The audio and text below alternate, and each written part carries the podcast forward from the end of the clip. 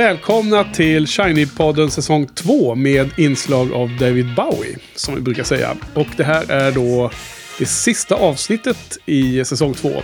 Med mig, eh, Henke, och ständig medvärd Olof. Välkommen Olof! Tack ska du ha. Ja, nu sitter vi här i slutet av denna säsong. Mm. Eh, en ganska lång resa. Det är 28 avsnittet nu. Mm. Ungefär fem månader va? Ja, eh, med en, en, eh, ett avsnitt i veckan blir det ju lite mer än ett halvår till och med va? Ja, just Om vi det. räknar så. Mm. Eh, för, Jag, tänkte lite fel, jag tänkte lite fel här nu. Ja, precis. Vi är ju nu i början på juni, men vi har ju haft eh, en liten buffer, lyckligtvis. Ja, just det. Så vi har ju massa avsnitt kvar. Så vi har, ja, inte jättemånga faktiskt. Eh, vi har några få avsnitt kvar, ska jag säga, Mm. i, i, ute i, i vår nu kalendertid. Så det här kommer ju vara någon gång i juli. Tror jag. Just det. det här kommer ut om någon månad. Mm. Ja, nej men så att det har varit en ganska lång resa. Eh, och eh, för mig är det ju, jag har ju poddat tidigare som eh, eh, vissa av lyssnarna eh, kanske vet. Eh, men för dig var det den första rundan va? Mm. Med podcasting. Så hur, hur har detta varit då? Mm, ja, man fick ju lite flashbacks från de här radiogrejerna vi gjorde i, i Uppsala. Kommer du Ja, ihåg det? Med den här studentradion. Ja, Det var lite samma stuk. Precis. Det har vi faktiskt, har, har vi, vi har helt missat att nämna det va? Eller nämnde vi det? För något? där gjorde jag ju säkert, eller där gjorde vi säkert något eh, David Bowie-avsnitt. Ja, har, har vi nämnt det här tidigare i podden? Nej, det tror jag Nej. inte. Jag bara kom på det nu. Ja, och jag har också tänkt på det faktumet tidigare, men inte just idag faktiskt, när jag förberedde inför det här sista. Men det var ju mycket riktigt, vi, vi sände ju i eh, vad heter, studentradion på någon egen eh, FM-radiokanal lokalt i Uppsala. Och för Teknologföreningen som hade en eh, radio-timeslot om det var sent som attan en vardag. Det var, var det onsdag eller torsdag kväll, 11 till 12 på kvällen sent. Kommer du ihåg? Onsdag kanske? Ja, jag vet inte om det var så sent. Eh, Ja, det kanske det var. Mig att Det var, mitt, det var mitt i veckan sent. Ja. Ja, det var, ja, det kan ha varit 10 till 11 kanske. Men jag har för mig att det var en ganska så dålig timeslot. Det var liksom andra utbildningslinjer hade bättre tider. Och även vissa nationer sände ju då, kommer du ihåg det? Mm. Eh, Tuppen i luften heter det. Tuppen i luften, ja precis. Och vi, vi kopierade upp eh, små flyers som vi satte upp på eh, anslagstavlorna på Teknikum och sådär. Om att vi hade radioprogram. Mm. Jag, jag kommer inte ihåg om vi hade så här riktigt avsnitt som var orienterade till en enda artist. Utan vi spelade bara massor med blandad musik. Ja, men jag ha- hade ett avsnitt eh, som var orienterat till Bowie. Okej. Och sen hade jag något som var orienterat till Beatles också. Okej. Men sen hade vi, eh, ja, allmänna tror jag. Liksom. Ja, men du och jag körde väl ihop då, eller? Har, Men har, jag körde ju själv också någon gång. du körde själv också? Ja, för jag körde med Stigenberg en del också. Mm. Oklart om det var före du och jag körde eller efter. Jag tror att jag och Per började och sen så blev det du och jag sen efter ett tag. Mm. Kan det stämma? Ja, vi Ja. gjorde inte så jättemånga tror jag. Nej. Har du kvar någonting på kassetten? Säkert någonstans, men ingenting som jag skulle kunna plocka upp. Nej, nej. Jag kommer ihåg efter att du hade... äh, Alta, du hade gjort ljudeffekter av om en av tjejerna i min korridor. Kommer du ihåg det den kvällen? Jag, jag vågade inte gå hem. Ja, just det. Ja. Uh, nästan ville stanna hos dig och, och övernatta istället för att uh, komma hem och eh, få, Såna grejer kan man få inte- kritiken. Sådana grejer kan man inte göra nu för tiden. Nej, det, det, det var inget, eh, det var absolut inget farligt eh, ens Nej, i dagens mått mätt tror jag. Men det Nej. var, det var den tiden man var mer självmedveten och tyckte att saker och ting var, var pinsamt på ett annorlunda sätt. Eh, just det, ja, men det var tidigare det. Det var radio, ra- radioprogram. Ja, på ett sätt liknande. Men väldigt mycket liknande egentligen. Ja. Detta. Men det här, var, här har ju varit lite mer eh, bara Bowie, inte så mycket andra artister, inte så mycket Pink Floyd och så. Men vi har ju nämnt dem, både de och Beatles och Paul McCartney och Mm. No More Lonely Nights och alla de här. Ja, jag tror att vi inledde det här avsnittet med Let's Dance. Mm.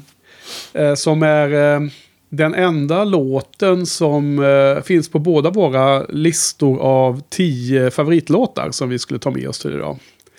Så eh, det är lite lustigt. Alltså det här var ju inte någon eh, eh, superhypad eh, topplista av någon slag enligt eh, objektiva mått mätt. Utan de tio personliga favoriterna sa vi. Mm. Och vi kommer ju försöka spela lite från dessa listor under kvällen. Och eh, klippa in lite i programmet. Och eh, vad det kan bli fyra, fem låtar max från vardera lista här då. Men just Let's Dance som vi valde att inleda med, den, den åter, återfanns på bådas listor. Så vi kommer avsluta poddavsnittet med att eh, eh, nämna de här listorna. Eh, men lyssnarna kommer få höra lite ljudklipps från, från de här låtarna innan då. Många av dem, men inte alla. Och eh, annars så eh, ska vi också eh, köra våra strikt eh, rankade eh, topplista av Bowies 27 album. Eh, som då matchar våra 27 avsnitt. Albumsavsnitt. Så att Tin Machine hanteras som en enhet nu igen. Ja. Så har vi bestämt. Och vi ska också nämna våra fem favoritskivomslag. Som som är en stående punkt som vi har diskuterat av och till, olika mycket. Ja, men eh, åter till eh, lite allmänna reflektioner då. då. Ehm, eh, någonting som jag eh, inser när man har poddat så här långt. Det här är ju det här är inte lika långt som vi körde den här Buffy-podden. Men det, fanns, det, finns lik, liknande typ av effekt som att ha haft ett ämne i huvudet så här länge då. Eh, Buffy-podden var ju ett år och tre månader lite drygt. Och det här var då drygt ett halvår. Men det är ändå en lång period. Även för Bowie-fokus. Det är ju liksom att man själv har eh, fått en revival på det intresset och har fått upp det igen. Jag menar, vi har ju nämnt det flera gånger redan, du och jag, både du och jag tror jag, Olof, att, att det var liksom kanske länge sedan man lyssnade mycket på Bauer. Nu har det blivit väldigt intensivt. Mm. Så hur tycker du att den biten har varit i, i sammanhanget då? Har det varit det- positivt eller negativt? Jo, det har varit positivt såklart. Men eh, jag känner ju lite grann nu här i slutet att jag har inte lyssnat på så mycket på de senaste veckorna på Bowie direkt. Nej, Eh, som du har varit lite mättad. ja, nu har det blivit en mätning. Ja, men så, så är det ju, tycker jag, även när man inte håller på med sån här poddning. Att det går, alla artister går i vågor så här. Ja, Helt plötsligt har man en period där man bara lyssnar mycket på Beach Boys. ja, ja. Eller hur? Ja, ja. Ja. precis. Eller- Elvis. Va, Inte va- så ofta Elvis kanske. Valfri eh, band då som man kan lägga in där, ja. Mm. Vilka favoriter man har. Sen så ligger ju kanske sådana saker som Beatles alltid liksom och Ja. i, i bakgrunden. Då. Men Bowie har ju, är ju typiskt en sån som ligger nere off, ganska länge. Och sen, nu ploppar han ju upp då under ett halvårs tid. där, Men nu kommer han nog kanske ligga ner igen då. ja. Eh, ja, Jag vet inte så det. det. Alltså, I fikat vi hade här innan Mm. så visade jag att jag ju köpt ett gäng eh, av Bowies skivor i de här eh, vinyl, eh, vinyler, Mm. LP-skivor. Som man hade när man var yngre. Men nu har de ju också släppts på mycket högre kvalitet med sådana här 180 grams eh, vinyler då. Tunga, tjocka historier som jag eh, gissar att det är mycket bättre ljudkvalitet bara, bara för att de är mycket mer stabila och det blir mer exakt det här själva spåret när man har ett tjockare Mm.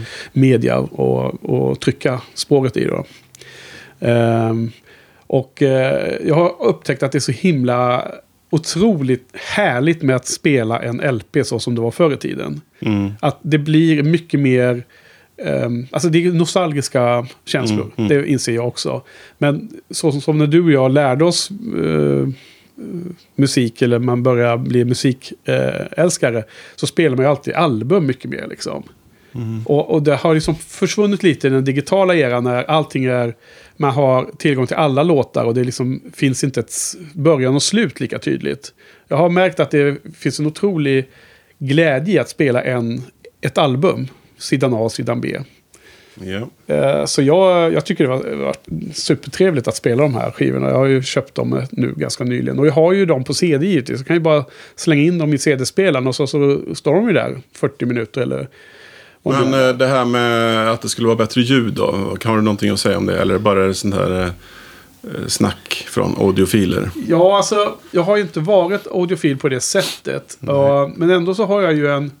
Jag har ju en NAD stereoförstärkare som är schysst kvalitet där inne i vardagsrummet. Och jag har schyssta högtalare även om, om de inte är hyper, hyper eh, Mm. avancerade så är de ändå gjorda för eh, musik och för, för liksom hi-fi. Eller hi-fi eller vad det heter. Um, skivspelaren är väl okej. Det, det är en sån eh, dual, men den är ingen, ingen superavancerad heller. Ändå så är det någonting med, med eh, upplevelsen som är som jag tycker adderar något extra mot CD. Men är det då i huvudet är det bara liksom själva processen man går igenom när man rent fysiskt lägger på skivan och håller på med pickuppen? Och, liksom, är, det, är det de eh, kroppsrörelser som, som triggar minnen eller är det någonting i det faktiska ljudet? Jag, jag eh, har nog svårt att, eh, att kunna hävda att det helt säkert är så himla mycket bättre ljud. Mm, Men, men eh, om jag skulle betta så skulle jag ändå säga att det finns någonting i att de säger, som de säger som, som gillar vinyl över CD. Eh, men själv då, har du hört en sån skillnad någon gång eller? Det var väldigt länge sedan jag lyssnade på vinyl faktiskt. så jag kan inte säga det. Men eh, däremot så tycker jag att vissa av de nya CD-utgåvorna är ju väldigt ganska jobbiga att lyssna på. De, de har ju det här ljudet som kallas för brickwalled. Alltså det, Vad är det? Ja, att det, dynamiken är borttagen för att det ska passa iPhone-lyssnare på tunnelbanan och sådana saker. Ja, det är så väldigt höga Ja, ljudvolym. ja det är, precis. Och uh, likadan ljudvolym hela tiden. Ja. Så att det finns liksom inga tysta partier då. Nej, Så att alla, även de tysta partierna har hög liksom, volym ja. på något vis. Eh, ja, så det, blir, det, det är ju väldigt kritiserat då ibland. Ja, alltså, Sådana här kretsar då som tycker att det är väldigt dåligt. Ja, därför att det är också ett problem som jag har förstått, eh, även om jag inte kom, kopplade det här begreppet. Att, att det är så höga ljudvolymer. Mm. Att de spelas in så högt och att det också anpassas till radio. För att hela tiden är att man ska ha lite högre. Mm. För att det spelas väl, när det hörs mer så, ja, bättre anses det då. Vilket pajar hela ljudbilden ju. Mm. För volymknappen på förstärkaren kan du ju styra högt du vill höra, men du vill höra hela rangen. Det är ju det Mm. som är poängen.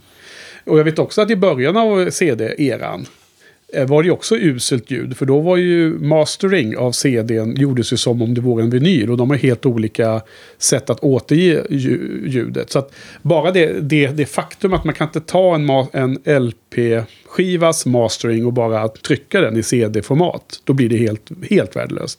Du måste göra om mastering för CD. Och det, bara det faktumet säger ju att det är olika ljud. Det är inte samma grundmastering som krävs för de olika medierna. Um, så så jag, jag vill hävda att när jag hörde på... Om man tar de skivorna man har hört allra mest på. Och sen har man lyssnat till exempel på... Ja, men du, du vet själv dina skivor som du har hört liksom hundratals gånger i ditt liv. Och så har du hört den på CD väldigt länge. Och sen sätter du ett rum med en bra utrustning. Alla, alla länkar i kedjan är bra. Och sen lyssnar på samma skiva i vinyl. Så, så skulle jag nästan kunna ta gift på att du kommer höra en skillnad. Och om det då är bättre eller sämre. Ja, det, är väl, det får man väl diskutera då. Men jag tycker nog att, att det finns något i det, den diskussionen om att vinyl låter mer naturligt, mer, mer analogt, mer eh, mjukt, mer eh, eh, djupt, mer, eh, mer eh, body, eller vad det nu än är man försöker beskriva det med. Ja. Men det är en intressant frågeställning som vi inte Ja. har varit så inne på egentligen. Men nu när jag köpt alla dessa nya skivor så får jag väl förkovra mig i frågan. Mhm. Ja.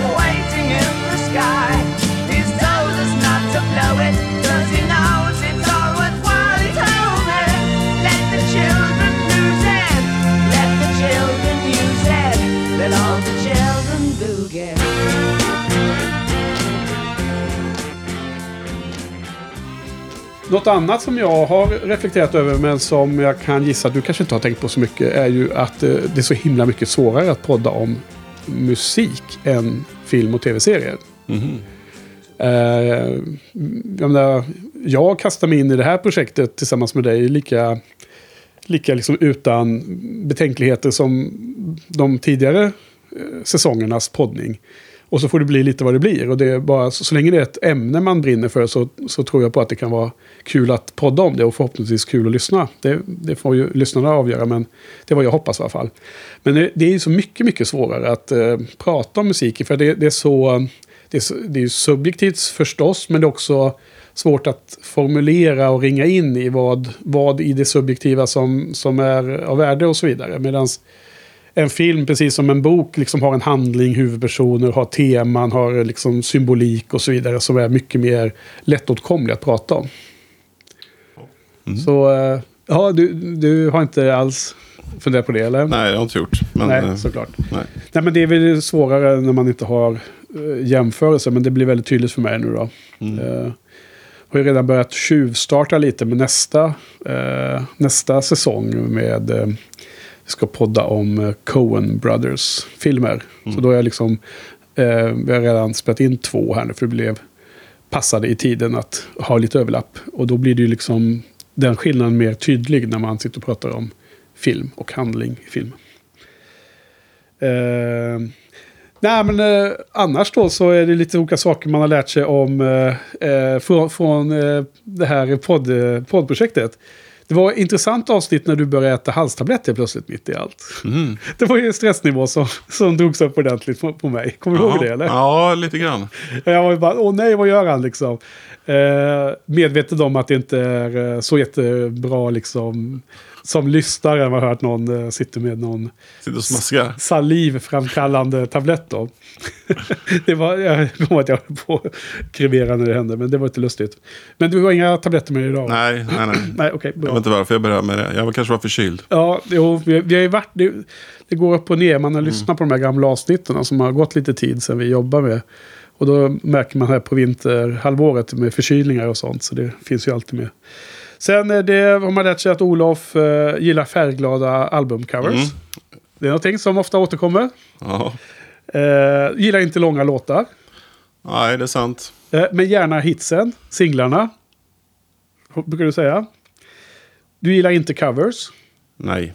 Ingen av dina tio favoriter har, eh, har någon an, anknytning till eh, annan person som har gjort musiken eller något annat va? Nej. Jag tror att jag har varit lite mer frikostig där faktiskt. Jaha, har du med covers? Ja, ja. Inte covers, men vi återkommer till det. Ja, Och du är inte så förtjust i de här mixarna som är på de senare skivornas eh, bonus, bonus och sånt. Nej, det påminner väldigt mycket om de här eh, mixerna på 80-talet med Paul McCartney gav ut Ja. Mm. 20 olika varianter på sina singlar. Ja, lite överdrivet, kanske inte 20, men det var någon som kom ut i väldigt många. Ja. Och då skulle man ju såklart, måste man ju tvungen att köpa alla dem då. Ja. Vad, Och det var inget, ja, det, det var inget kul med det. Det var ju bara någon snubbe som hade suttit och mixat ja, om det liksom. tror du att det bara var för att folk skulle tvingas köpa? Ja, det är klart det var. Ja, det var, det var enda anledningen, eller? Jag kan inte tänka mig att det var någon liksom, stor artistisk anledning. Ja. Nej, det måste varit för att maximera inkomsten tror jag. Ja, det, det är som är lätt att vara cynisk och tänka så. Men kommer du ihåg den, den kvällen när vi satt och poddade och helt plötsligt så såg på, på mobilerna nyheten om att äh, Avicii, Tim Bergling, hade dött? Mm. Kommer ihåg det? Det var ju var något av en chock mitt i poddningen Mm. där. Liksom. Kommer ihåg att vi var ganska eh, berörda. Båda tror jag faktiskt. Just att det, Mm. det, det hade... eh, Ja, blev, blev känt den kvällen, den fredagskvällen tror jag det var. Han, han var ju en sån här som började med att mixa ihop Mm. saker och ting. Och sen blev det väl ganska snart att, snart att han gjorde egen musik. Men hela den där eh, DJ... Eh, eh, eller vad man ska kalla, som består av att göra musik också, inte bara spela upp på en, på en dansklubb. Liksom. Mm. Måste ju börjat någonstans runt de här mixarna och det här, Mm. den, den utvecklingen som musiken tog på Ja. 80 och 90-tal. Eller Det vad tror där, du? jag vet inte, det är ja, möjligt. Det där ser jag som en lite annan grej ändå. Mm. Ja, därför vissa av de här kändisarna som har mixat McCartney och Bowie och andra, de är ju sådana som sen har gjort liksom framgång som egna artister. Så ja, men typ Moby är ju en artist. Jelly Bean, Benitez och allt vad de heter. På 80-talet. Ja, Det vet inte jag riktigt vem det är. Han kanske inte blev... eh, Nej, ingen aning. Eller är det, är, men- är det en person eller är det ett team eller kommer du ihåg? Nej, alltså jag vet inte. Jag fick för mig att det var en person. Ja, ja. Ja, jag vet inte heller om det, om det så var ett embryo till den utveckling man har sett sen på 00-talet. Men kanske lite. Ja.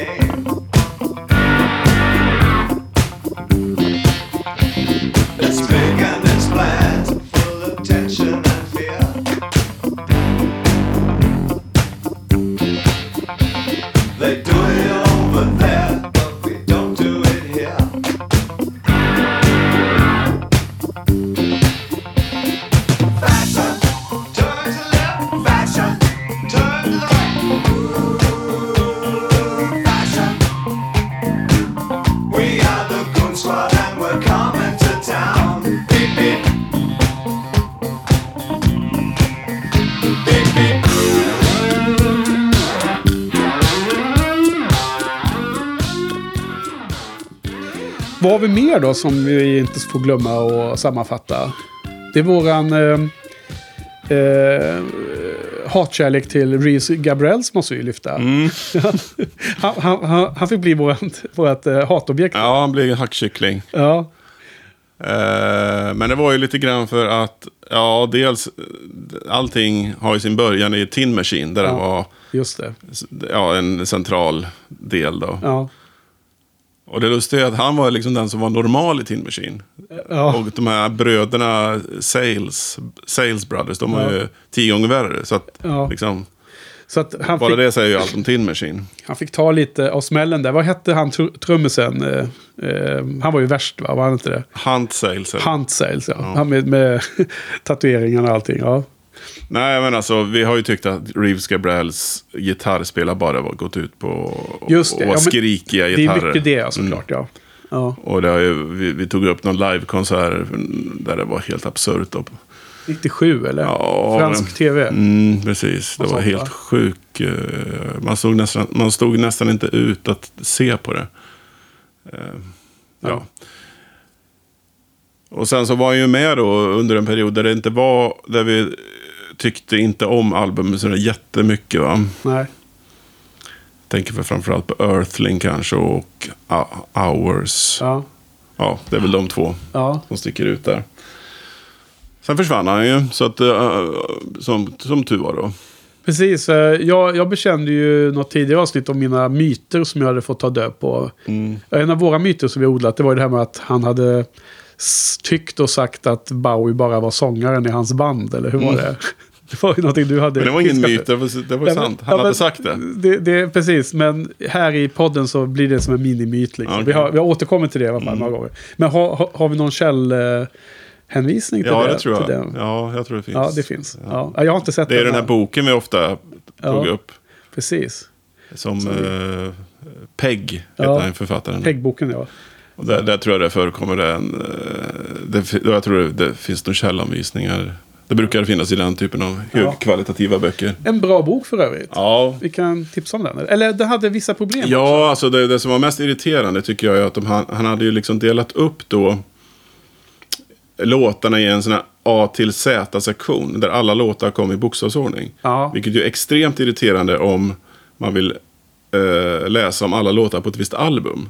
Så, som är det naturliga. Ja, som är det naturliga tycker, tycker jag då. Och du, Ja, också, ja. du var inte riktigt lika. Men du blir övertygad sen tror jag. Ja, mycket. Därför att jag har ju märkt att det var så jobbigt att sitta och bläddra fram och tillbaka. Ja, För att, det är helt så... Hur, har de resonerat? Men jag, jag förstår, det finns ju vissa fördelar också. För att Han kan liksom, eftersom flera, en samma låt förekommer på flera olika skivutgåvor och Ja. samlingsalbum. Så att då, då blir det liksom, Och live och så. det kan bli bökigt liksom. Och, men det, Jo, precis. men jag, har ju, jag har ju läst många Beatles-böcker och där har de ju löst det, de problemen på andra Ja, sätt. Och så ja. att det, det, naturliga är att man, har man ett album så tar man låtarna i anknytning till albumet. Ja, och att man då prioriterar dess originalplats. Liksom det Ja, originalalbum det Precis, på. och så har man... Sen finns det samlingsalbum och live och Mm. allt möjligt. Men det blev ju andra, eh, nästa kapitel var ju alla albumen då i kronologisk Mm. ordning. Och de var ju väldigt lätt att bläddra sig fram igenom och läsa om. Och det var ju många, många sidor. Så att Precis. eftersom det var så himla mäckigt att leta efter låtarna, för det är ju ingen liten bok heller. Det är ju som en stor bibel liksom. Mm. Den är ju supertung att hålla i. Så om, du liksom inte sitter med den på ett eh, skrivbord och verkligen studerar, och så, Mm. utan du sitter i en fåtölj eller ligger och läser i sängen eller sånt där, då, då är det mäckigt att hålla på och jonglera den här boken. Så det, till slut blev det att jag nästan bara läste om albumen men inte om låtarna specifikt. Då. Det har också Mm. Precis. varit lite olika mycket. Ja, Ja, men i alla fall. men en bra bok är det. Ja, Om mycket, man mycket är bra. liksom, detaljintresserad. Jo, och, och sen är det till och med partier om hans tv-framträdanden, hans Mm. filmer, hans eh, live-turnéer och så. Man kan läsa om alla aspekter. Mm.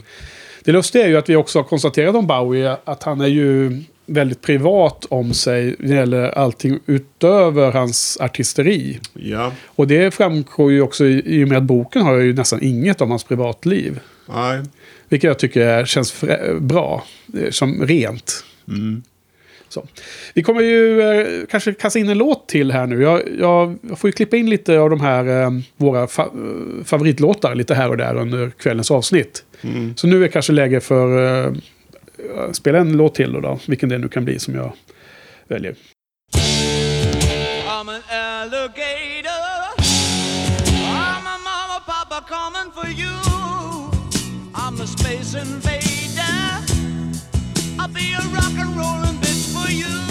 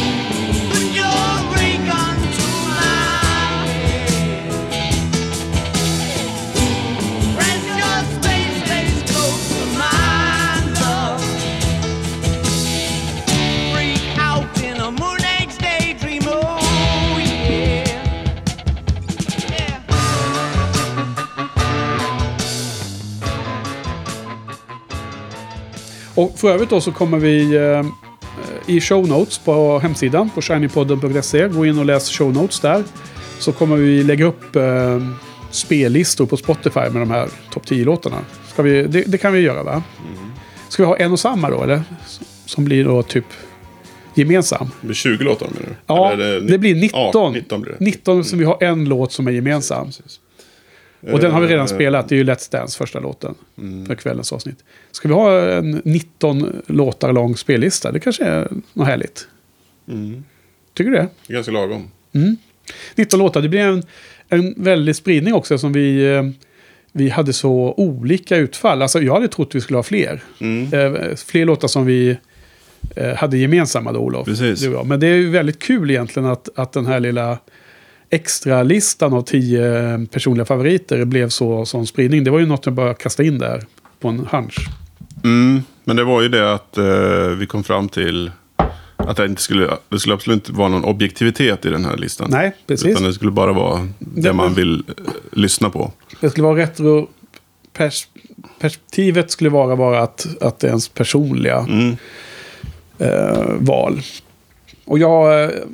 Eh, eh, vi, vi kommer avsluta kvällen med att säga dem. Då, som kommer lyssna få höra lite snippets av låtarna innan. Så de kommer redan... all- Allt vi spelar ikväll kommer vara från de här två topp 10 personliga favoriterna. Jag, jag hade ju flera som var sådana eh, bubblare som åkte ut och in på topp 10. Så jag har ju egentligen en lista till på mina 10 bubblare. Mm. Så där har vi en del överlapp faktiskt. Ja. Eh, och jag, eh, en låt som jag kastade ut från min topp 10 var ju Ziggy Stardust-låten. För jag var så säker på att du skulle ha med den. Så jag tänkte, "Nej, vi kommer täcka in den på Olofs lista istället. Men icke, så blev det inte. Nej. Ja, ehm, Sen en grej, Ja. i samband med listor, och vi, vi pratar ju om omslag också. ja, så kommer han Och sen. En lista också. Eh, men det var ju en liten eh, revelation för mig att eh, omslagen är egentligen inte så fantastiska Nej, eh, överlag. Nej det håller Det jag finns, med om. det finns några som sticker ut sådär, men Jag håller he- helt med. Det finns andra artister som lyckas bättre där, Mm. ja, måste jag säga. absolut. Vi har ju klagat på, eller i alla fall jag har klagat på att man bara tagit bilder ur en film. Och så Ja. kommer vi fram till idag att två album är ju tagna med bilder från samma film. Ja. Alltså, eh, The Man Who Felt... Ja, just det. Som är på Station to Station och eh, Low. Ja. Även om Low är ju då som jag nämnde då när vi pratade om Low. Det är inte liksom en eh, screenshot från filmen utan det är mer från den eran. Jaha. Den är liksom inte tagen från filmmaterial om man säger så. Alltså, Nej, Okej, det trodde jag. Ja. Ja. Ja, Men har du sett den filmen? Jag kommer ihåg att du sa att du kanske skulle se den när vi... Nej, jag har inte gjort det. Men eh, den, den finns på to-do-listan så att säga. Ja, precis. Ja, men Mm. den, är, den är inte superbra. Den är ganska seg som... jag har ibland- sett lite eh, utdrag ur den i, jag vet inte var, men Ja. i dokumentärer. hur, Om, hur verkar det då? ja, alltså. Jag har aldrig varit speciellt imponerad av hans eh, skådespelartalang. Nej. Den, jag har ofta tycker jag den varit lite så forcerad. Ja.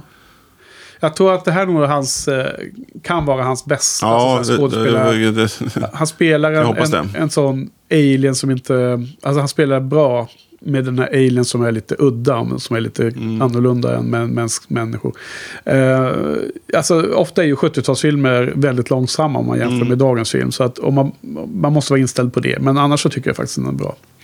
Den är värd att se. Speciellt om man gillar Bowie då förstås. Okej, Ja. eh, några andra saker på det allmän. Eh, om, man, om man säger, kastar ut sådär vad man upptäckte runt eh, Bowie som artist, alltså discoveries. För det blir ju som sagt, för, än en gång för är så himla lustigt hur man får en fördjupad personlig bild över ämnet som man poddar om. Och, eh, Discoveries på Bowie som artist så tycker jag att det första jag kommer tänka på det är hur viktig Tony Visconti har varit för honom. mm, Och du vet, när vi började podda här och hela min eh, karriär som att ha gillat Bowie, jag har ju som aldrig ens reflekterat över vem Tony Visconti är. mhm. Jag har ju som aldrig varit medveten om att han har varit liksom typ producent. Eller, alltså jag har hört namnet men jag liksom har aldrig riktigt funderat på vem det är. Nej, precis. Eh, under den mest hektiska Bowie-perioden på 80-talet så tänkte inte jag på det heller. Eh, det var ju inte som med Beatles med George Martin. Liksom. Nej. Det. Det har inte varit lika fram... Nej, men jag, jag tror att i samband med... ehm, antingen i samband med The Next Day eller kanske till och med Heathen och när, när det liksom... Det skulle vara så fantastiskt då att det var Tony Visconti igen. Då blev Ja. man, ja, ja just det. Liksom, då Ja. förstod man det här. Bara knyta ihop det. Ja. Men det var ju inte så att vi, vi på 80-talet tänkte, tänk om ton, Tony skulle komma tillbaka. Ja. Det var aldrig något sånt snack. Nej. Liksom. Men vi missade det tåget då. Ja, vi missade Tony-tåget, helt Ja. klart. För det var 70-talet där de gjorde Ja. sina stordåd och det.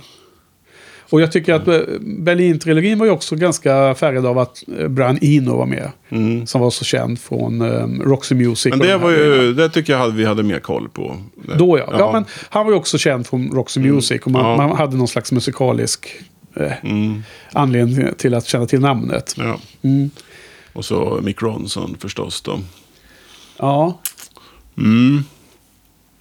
Nej, så det var ju lite, precis. Det, det, var, det var bra att man fick eh, lära sig det då. ja. Eh, vad, vad mer jag tänkte säga? Något annat som du har...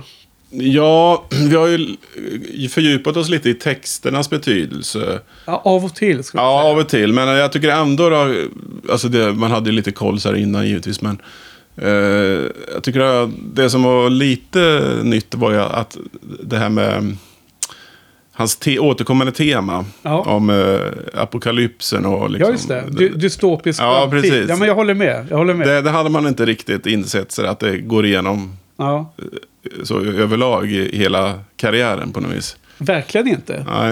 Eh, Det är bra att Man, du känner, det. man tar ju, givetvis minns man det här 1984, eh, Diamond Dogs, så det, det var ju framförallt det kanske. Men, Jo, men det är lite lustigt för jag tror att både du och jag gillar ju, eller jag vet att vi älskar science fiction och Mm. jag menar Mad Max, uh, tvåan där, Road Warrior och så. Och det är lustigt att det är den typen av miljö han sjunger om, för då kanske det omedvetet ändå har liksom mm, på något sätt påverkat ens upplevelse. För jag, och, och utan att ha tänkt på sakerna så vet man att han sjungit mycket om eh, eh, Space. Alltså S- Space Oddity, Starman, Life on Mars och så vidare. Det var en liten discovery för mig att läsa att Ashes to Ashes var en eh, direkt uppföljare på Space Oddity. Det hade jag nog inte riktigt koll på innan. Jaha, ja. Visste du om det? Ja, det, jaha, det är jag lite förvånad över. Ja. Nej, men det har varit dålig Ja, okej. där. ja, Dålig. ja, ja, det är en dålig person på det här sättet. Då. Ja, usel människa. Nej, men det, den, det håller jag helt med om och det är väldigt kul på något sätt. Ehm, sen kanske vi skulle ha grottat oss mer i de här olika texterna. Men det, det gick lite vågor liksom. Vi, eh, Hela poddäventyret blir ju lite att få ett eget liv. Jag menar, i början är man lite mer ovan för situationen och ämnet. Och sen blir man lite varm i kläderna och sen blir det liksom upp och ner och man blir mer eller mindre... Men det var ju som du sa någon gång tror jag som var ganska bra att eh, det är ungefär som att eh, vi ska inte sitta och bara förmedla vad vi precis har nyss har läst i den här boken Nej. och lärt oss. Det eller blir liksom eller på artiklar. Ja. Ja, utan ska, det ska ju vara sånt som Jo, vi, vi har känt till. Sen, sen så måste vi kolla upp vissa saker, tekniska detaljer och sådär. Men eh, det var lite mer så i början tror jag man läste i den här boken. Ja, var det så? Var det det Ja. som Life on Mars handlade om? Och så vidare. och så vidare. Jo. Men det, det ebbar ju ut sen lite grann. Det, Ja, precis. För vad, vad, vad, vad kunde vi bidra med egentligen? Det är väl det, det subjektiva och det personliga liksom... Eh, eh, ur det person, personliga perspektivet att man gillar Bowie som en, en fan. Som en eh, som, som lyssnar på hans musik. Så att, det här varit en annan typ av podd om man skulle hävda att man var den här experten då som vi ibland har skojat om att vi, att vi vill vara. Eh, vad är det mer då? Discoveries. Eh, jo, men också en annan sak då, om jag byter eh, spår. Det här med att han verkar så oplanerad i sin karriärsutveckling. Alltså den här slumpen vi har pratat om nu. Speciellt andra halvan då. Från, eh, det känns som från Let's Dance och mm, ända in i mål så har det varit så himla många olika bud på... eh, När man läser om hur uh, Tin Machine skapades eller hur olika eh, skivor har kommit till. Jag menar, eh, Hours där då som var någon slags absurd eh, musik till eh, dataspel och sådana saker. Det, och, och också om mycket av de här projekten som be, beskrivs då i intervjuer med Bowie som sen då aldrig blev av och sånt. Då. Alltså det, det känns som att eh, det kunde ta många vägar vad nästa skiva var. mm, Eh, Och kommer du ihåg, vi, vi pratade om det här projektet han pratade om med Ino, att de skulle göra en skiva varje år i de sista fem åren på 90-talet och innan millenniet, som aldrig blev av. Och så. nej, det var ju synd i och för sig. Verkligen. Men lite orimligt kanske att ha en skiva per år. Jo, jo, precis. Många av de här projekten kändes som att de kanske var orimliga. Mm. Kanske därför de inte blev av då. då. Men att det är också det, det är så slående att man eh, nu, när man kan titta tillbaka på hela karriären, att i början var han superintensiv och gjorde ju både en och till och med två skivor per år. Mm. Och, och du var ju också, du lyfte det också flera gånger, Mm. att han var så produktiv. Eh, jämfört med dagens artister som bara gör en låt per år. Mm. Förkunnade du ju. Ja, Som allvetare. det var bra. Nej, men det var, jag tyckte det var kul att se, den, den, se, se de röda trådarna liksom. Och I det här fallet som inte var en röd tråd. Och så eh, på samma tema lite grann att han, det var så väldigt snabb, snabba inspelningar. Eh, kortvariga inspelningar. Ja. Eh, Han jobbar superintensivt. ja, det var bara, oftast bara några veckor. Ja. Ehm, det var något helt nytt för mig. ja.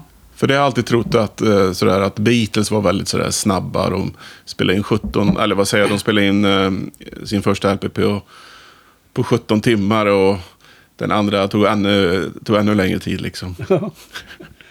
Eh, att de också, men de, de, tog- de tog ju mycket, mycket längre tid på sig i slutet. Då, Ja. Flera månader då. Ja. Eh, Sgt. Pepper och det här.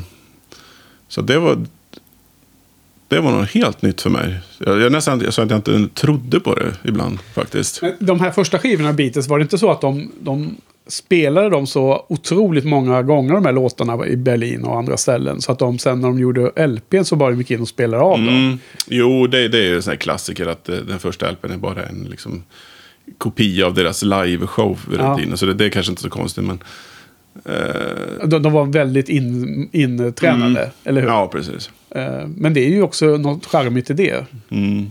Just första skivan är väl ofta band som eh, har hållit på många år. Och tar allt det materialet, det bästa till första skivan. Det är därför andra skivan är så utmanande tror jag. Jo, men sen, sen så eh, när det gäller Beatles och så vissa av de här eh, skivorna när de var ute på turné då, då skulle de spela in, sen in skivor till julmarknaden och då hade de bara några, månad, några månader på sig, två månader. Och jag alltid tyckt oh, det är så kort tid. Ja. Men nu visar det sig att Bowie bara gjorde sina grejer på ett par veckor. Och så Ja. Det var lite så här, och, det är otroligt tycker jag nästan. Men det är också intressant att läsa om hur han har haft så olika process. Liksom. När han jobbar med Vi- Visconti och Ino med de här. Han gick in i studion och inte hade något lyrics alls. Och i Berlin-trilogin hur han skrev eh, skivtext, eller så här, låttexterna live i studion. Mm. Och hur, hur, hur de hade demosar på musiken oftast innan de gick in och spelade. Så hade man eh, först en session med alla basic tracks med trummor, bas och gitarr. Kanske eh, piano då, om Mike Garson var med. Och sen hur de eh, långt senare, kanske flera veckor eller en månad senare, whatever, så gick Vis- Visconti och Bowie in och så la på sången. Mm. Sådana saker hade man inte heller koll på riktigt hur det funkar. Ja, Ja, okej. ehm, Sen, eh, ja. Jag tänkte på ehm, hur mycket han spelar instrument också. På, på, I alla fall under 70-talet. Ja. Det var lite nytt också. Eh, att det var mycket, mycket. Eller att det var olika. Ja, det, ja, nej, att det var mycket. Jag trodde faktiskt inte att han spelade så mycket. Nej, Eh, Sen på vissa skivor så var han ju bara sjöng han ju Ja. Let's Dance och jag vet inte vilka. Tonight. Tonight kanske. Let's Dance spelade han väl lite eh, instrument tror jag. Ja, det är möjligt. men, ja. men på Night gjorde han inte Nej, det. okej, så kanske Ja. det var. Eh, det var en positiv grej tycker jag. Ja, Att han inte bara var en sångare utan även ja. eh, vad heter det?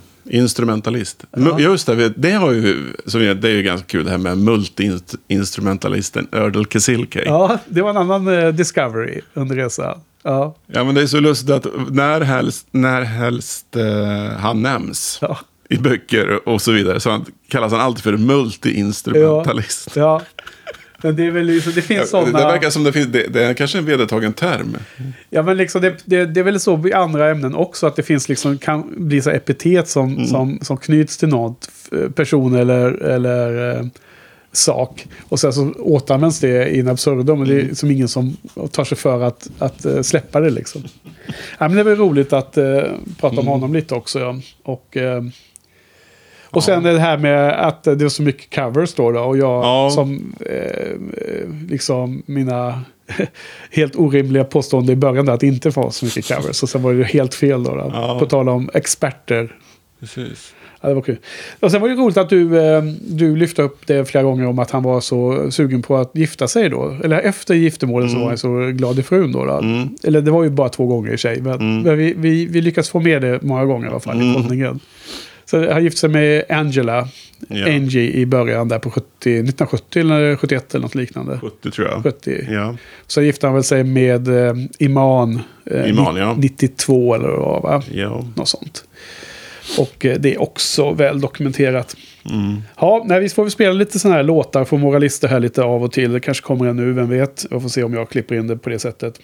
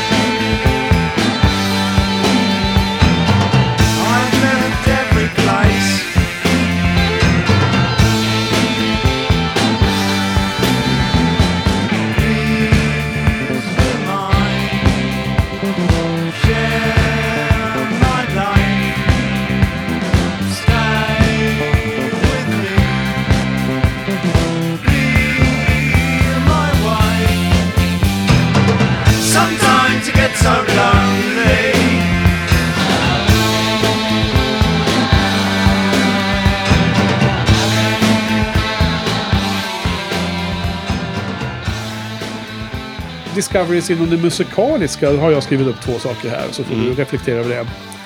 Jag tyckte att det var en överraskning att hans eh, Phil Collins years var så svaga. Mm. Alltså efter Let's Dance vill jag definiera det som då. Ja. Resten av 80-talet och en bit in på 90-talet. Ja. Eh, eller ja. Eh, men i vilket fall som helst, då när du och jag eh, konsumerade som mest Bowie och eh, tidigt i våra Bowie-karriärer, 80-talet, så var det lite som du själv också sa, att man var liksom så förtjust i artisten och 70-talsskivorna. Så att varje ny skiva kunde inte vara dålig. Man, man liksom lurade sig själv in absurdum för att tycka att det här var väl okej och så. Sen då med en lång break och sen då att åter eh, lyssna in sig på hela hans eh, skivhög eh, kronologiskt gör ju att det blir så väldigt tydligt att vissa av de här skivorna var så mycket svagare. Precis. Vi, vi hade ju som tur var, hade vi ju...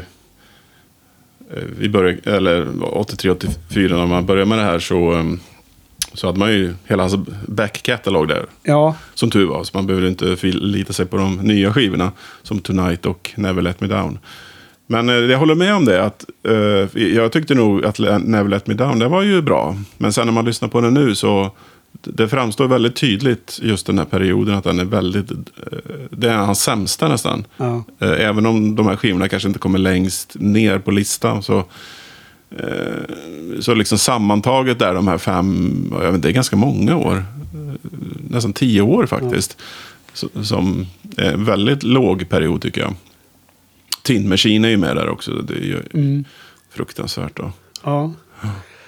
Sen det andra jag drabbades av det var hur starka de, de två sista skivorna var i slutändan. Mm. Det var som en överraskning för mig. Mm. Hur, hur, du hade koll på det eller var det? Nej, alltså jag var ju, blev väldigt imponerad av The Next Day när den kom ut Mm. direkt. Ja. Lite som Plym också var. Så. Ja. Inte så mycket Black Star, men Nej. eh, den har jag kommit efteråt då. ja men den, den har ju vux- vuxit nu. Ja, absolut. Ja. Nej, men det är ju fantastiskt egentligen. Att, Ja. att han eh, inte pikar kanske, men eh, ett, ett lokalt peak då. Ja, att han avslutar uppåt. Ja, han avslutar med, upp, med en stigande kurva. Mm. Liksom. Ja, det håller jag med om. Och den var ju egentligen stigande, eller ganska stark, ända sen när Tony Visconti kom tillbaka med Heathen Ja, 2002. Så, att, eh, ja precis. Även om reality är lite av en plump av de här Mm, sista fyra, mm. måste jag säga. mm, så är det ju. Mm. Men ändå bättre än eh, Ja, en del andra skivor. Så att, 90-talet. Ja. det är ändå någon form, av kvalitet. Så att Ja, säga. ja, Mm. precis. Jo, men det går att lyssna på. Mm. Även om man saknar de här riktiga topparna som gör att man blir helt eh, dödsförälskad i skivan. Mm. Jo, men eh, så är det väl överlag med sådana här senior artists. Att det finns liksom inga hits längre på skivorna.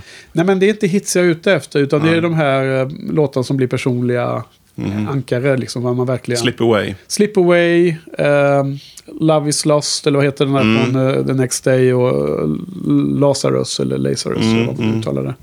det. Det är de låtar som gör att hela skivan förädlas. Alla andra låtar blir bättre av att det finns så otroligt tunga bästa låtar. Och de är ju inte typiska singlar, det här. Utan det är ju snarare en låt som är som en långa. sol som de andra låtarna kan rotera kring. Ja, men alltså, för att det är nästa punkt jag kommer till här. Det är att jag blev liksom ändå lite överraskad trots att jag känner till det här. Att, att jag eh, tolkar Bowies musik fortfarande så väldigt mycket i perspektiv av nostalgi. Mm. Att det är en så viktig del i hur ens minnen om skivorna är. Och att eh, hela skivan blir ju förändrad av om du har en väldigt favoritlåt bland dem. Den här solen som, Mm. som eh, skiner över de andra kompisarna. Mhm. Men, men också generellt sett att man lyssnar på Aladdin Sane första gången på bra länge som det var liksom absolut första gången inför den här poddningen. Mm. Sen hörde man ju skivan gång efter gång. Du, du var nog ännu mer ivrig än vad jag var ibland. Du pratade om tolv gånger och sådär. Mm. Men, men just när man liksom för första gången på många år hörde den skiva och liksom tog sig tillbaka i tiden till när man var ung. Eh, somrarna på, på Tjörn och på västkusten och så. här. Det, Ja. det är en otroligt stark känsla. Liksom, Mm. Jo, jo, men så är det jätteofta. Man hör en låt, man liksom får någon sån känsla av att... Ja, jag vet inte, man kan känna med känna dofter och... Ja, men, man, ja, man vet precis liksom eh, var man var på något vis. Jo. Ja, jättekonstig känsla. Ja, och det, det är eh, väldigt starkt påverkande i, i min eh, ranking av album och så vidare. Mm. Och där, där är det ju lustigt att de här två senaste är så starkare. För de har ju inte den, Nej. den, bonusen. Det har de inte på Nej, något så, det är sätt. extra starkt. Mm. Sen, eh, ja, vi ska väl börja rabbla våra, våra, vår topplista med albumen då, på tal om det. Mm. Eh, vi kan väl avsluta med det att nostalgin hade i alla fall väldigt stor betydelse för mig. Jag tror även för dig till viss del va? Absolut, så är det. Jag menar, vi har pratat en hel del, vi kanske inte behöver eh, lägga mer tid på det, med att Bowie som artist och som eh, persona i, i populärkulturen, att han är så cool och ikonisk. Och, eh, Plym, Olof Plym var också inne på det lite med hans, eh, eh, kallar honom för queer, han hade liksom alla de här olika Mm. eh, uttrycken och kvinnokläder och Mm liksom den, den personen han, han sålde in på något sätt var ju... Det är en, det är en helt eget kapitel då. då. Vi har redan pratat om det. Eh, men vi, vi tänkte att vi skulle göra så här då. då. Eh, vi kanske ska ha en låt till här nu då. Lagom här. Säger jag till mig själv som ska klippa det här sen.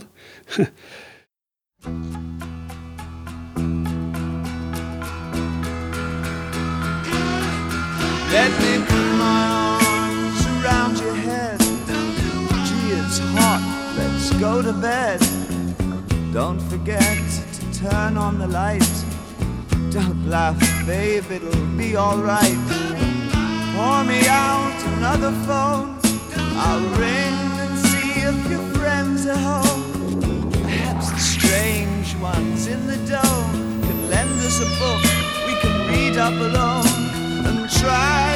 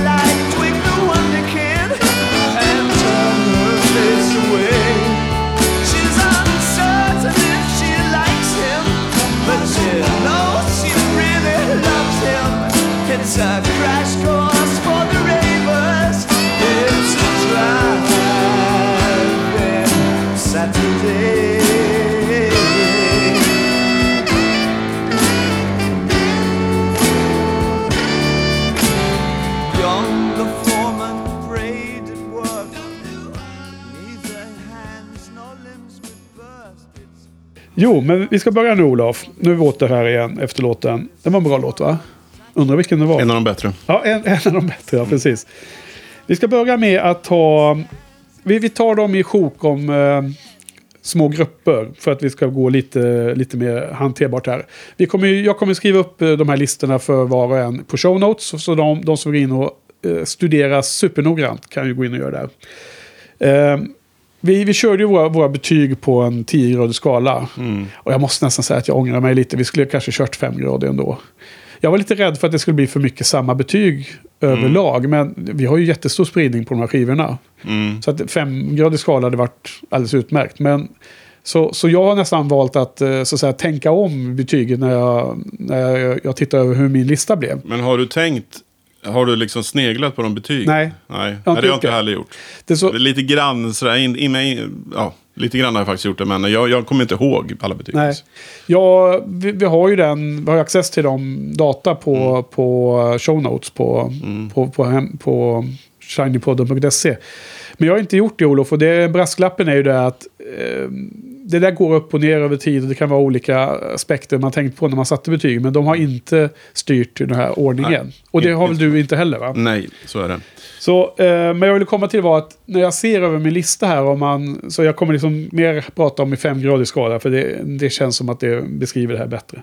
Men du ska börja då med de, vi börjar med de två sämsta skivor, skiv, skivorna på de här 27. Vi har alltså topp 27 och det är alltså 25 eh, entydigt definierade studioalbum. 1 till 25. Och sen är det då Buddha of Suburbia som är det här albumet som kallas för soundtrack men som är helt ny musik förutom en enda låt. Då, då. Och det är en studioinspelning och sånt så det brukar ju uh, ingå. Och sen har vi då hanterat Tin Machines två skivor som en, en skiva. Ja. För att eh, det blir enklare så. Det, det var de här avsnitten som vi har spelat in. Så vilka är dina 26, 20, plats 26 och 27, 27 då?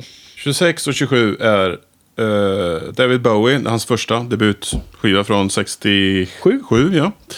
Och eh, på plats 27 är Tin Machine. Ja. Och då har jag precis samma. Ja, intressant. Och det är de, eh, alltså, de har ju typ ett av fem. En Mm. betyg etta på en gammal klassisk femgradig skala. Så dåliga är de. Ja, precis. Även om Tin Machine kanske var lite bättre än jag trodde så jag kan aldrig förmå mig att tycka om den här gruppen. Nej. Eh, tyvärr. Det, det får bli sist. Ja, och jag, jag tyckte nästan att de var sämre än vad jag trodde. Mhm, mm. Jag hade inte hört på dem så mycket som du kommer ihåg. Nej. Jag fick ju kritik från dig där. Ja, Ja. Men jag tyckte att det var, det var så skrämligt och så dåligt. Och, och sen så är det en helt annan sak om Bowie skulle någon gång ha tagit de låtarna och framfört dem i helt annan setting. Eh, akustiskt. Då hade kanske vissa låtarna vuxit. Men det, det var inte så det var på albumet. Så jag bedömer albumet här. ja. Sen, eh, David Bowie måste jag säga att om man ser det som en ren humor. Mm. Som en liksom pajasmusik eller som eh, eh, liksom eh, cirkusmusik, eh, liksom Mm. revyartist. Fine, då kanske man ska kunna se humorn i det. Men Mm. nu har jag bara bedömt det som Bowie som musiker, som rockartist eller Mm. pop-rockartist. Okej, vad bra. Eh, Plats 21 till 25 då. Den gruppen om fem Mm. skivor. Vilka har du där? Då har vi The Man Who Sold the World från 1970. Vi har Tonight från 1984. Vi har Hours från 1999. Vi har Earthling från 1997. Och vi har Pinups från 1973. Ja, I 21 till 25 då. ja. Mm. Eh, Någon kommentar direkt? Ja, Pinups är ju ing, det är en cover. Alltså den, den, kommer alltid Ja. lågt ner. Det för du, du bara liksom tycker de är sämre per definition. Ja, va? precis. Och den är inte speciellt bra heller. Även, Det finns ett par bra låtar. Mm. Jo, Och sen har vi ju... Alltså The Man of Solar World är inte- alls dålig. Det finns helt eh, okej låtar på den. Tonight är inget bra. Phil Ja. Collins Years. Även fast låten Blue Gin är med på den som är en av mina favoritlåtar. Hours, inget bra. Sista CD med Reeves Gabrels. Den sämsta. Earthling, alldeles för slamrig. Mm. Eh, Reeves Gabrels är med där också. Även om det, det, alltså det, det finns bra låtar på alla de här skivorna, men överlag ja. inget bra. Nej. Earthling där, eh, du kallar skramlig, men det var ju den här hysteriska eh, industrimusikstilen. Ja. Eh, det, det är liksom inte, det är en annan typ av skramligt än det här rockskramlet som The Man Who Sold the World har. Mm. Och jag tycker den här Earthling är liksom mycket värre. Ja. Ja, vi har en viss överlapp där då. Jag har på 21 till 25 reality faktiskt. Ja, då. N- Från 03. Sen Earthling som du hade. Never Let Me Down från 87. Pinups och Tonight. Mm. Och alla de här har liksom varierande grad av 2 av 5 Mm. för mig då. Eh, så Never Let Me Down hade jag här nere. Hade inte du med den? Eh, nej, jag hade inte med den. Nej, okej. Eh, den kom på den undre halvan för mig. Ja. Men eh, jag tycker ändå den har... Ja, men där hade du din, eh, ditt extra påslag av nostalgin va? Din, Ja, kanske. Din, din första skiva som du köpte som eh, helgjuten Bowie-fan och som den kom ut eh, i skivbutiken och du gick dit eh, sugen att lägga Ja, ja, svettiga precis. fingrar på. Ja, men den, det var ju ändå i ganska stort mått av eh, höjning efter Tonight tycker jag. Ja. Am, eller ambitionshöjning i alla fall. Jo. Som inte kom ända fram då. Plus att den här eh, turnén och som vi var på Mm. konserten nere i Eriksberg i Göteborg, att det var ändå... Man kopplade i minnet till al- albumet, till LPn, Mm. som turnén eh, supportade. Och den var ju bra. Du gillar ju den speciellt mycket. och Jag gillar den också, men, men du kanske ännu mer. Mm. Jo, nej, men jag hade med den där. Jag, jag tycker att Time Will Crawl är väl den heter, va? Som är den bästa låten. Men sen är det mycket av det andra är ju sån där otroligt 80-talsmet som Ja. jag inte gillar. Sen så tyckte jag Reality var så pass slätstruken, även om den då är med Visconti och 2000-tal. Så den hamnade här nere. Eh, dina placeringar, vad är vi på då? 16 till 20 nu va? Mm. Vad har du där då? Precis, där har vi Black Tie White Noise från 93. Ja, Eh, Outside från eh, 95. ja, Reality, där kom den, från 2003. Ja. Never Let Me Down Ja. från 87. Och Space Oddity från 69. Mm. Okej. Eh, något där som du tycker... Eh, här börjar ju vi komma in på bra skivor nu. Ja. Alltså Black Tie White Noise, det var ju... Den var du ju jättepositiv Ja, visst. till. Det var ju sådär man, halleluja-stämningen när man hörde den. ja. För det, det var så um, oväntat att, man skulle tycka den var så bra. Och Outside är ju jättebra också. ja, den var ju fantastisk Ja. tyckte vi. Reality är lite sämre. Ja. Eh, Det har du tagit upp. Never Let Me Down. Eh, också inte eh, jättebra, men nostalgi. Eh, Space Oddity från 69. Visst, Space Oddity är ju en klassikerlåt, men det är mycket sådär eh, rester av den här skivan. Eh, nej, det, det, det är inte riktigt som eh, sån här humor skämtlåtar, men det, jag kan inte riktigt med det här Unwashed and Somewhat Slightly. Dazed och de här... Du, du tyckte han var för pretentiös där. Ja, precis. Ja, och sen är det den här folkmusik. Ja, det är folkmusikaktiga. Ja, så det, det jag håller med. Eh, mina 16 till 20 är The Man Who Sold the World. Som Mm. du hade lite lägre. Från 70. Eh, Lodger. Mhm, Oj. 9. Space Oddity som du just nämnde. Ja. Hours. Mm. Och Buddha of Suburbia. Mhm. Eh, Hours till att börja med tycker jag klart starkare än Ösling på grund av de här första halvan av skivan. De Mm. här fem bra låtarna.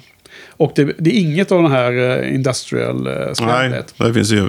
Precis, det finns ingenting. Och Buddha of Suburbia har ju en del jättebra låtar. Men som hela albumet så tycker jag att den är lite för... Eh, opers, alltså det har ingen bra... Alltså det har ingen så tydlig identitet i mitt huvud nu när jag sammanfattar och tittar alla skivorna mot varandra. Mm.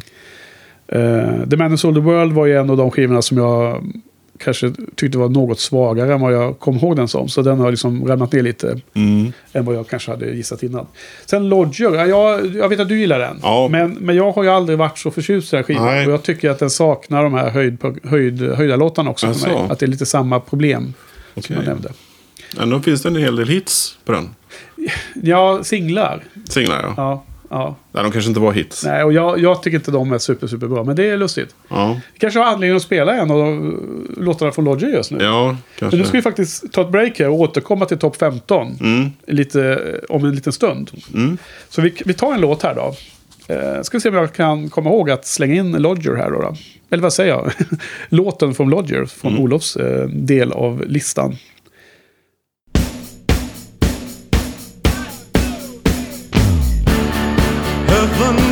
You.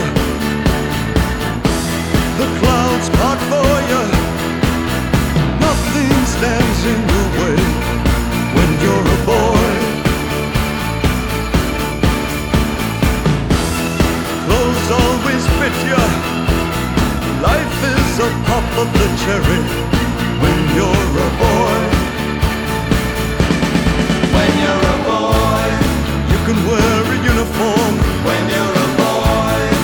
Other boys check you out. You get a girl. These are your favorite things when you're a boy.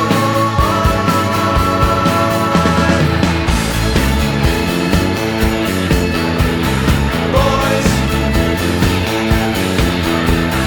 boys, boys keep swinging, boys always work it out. Uncage the colors. The flag. Love just kissed you hello when you're a boy. They'll never clone ya. You're always first on the line when you're a boy.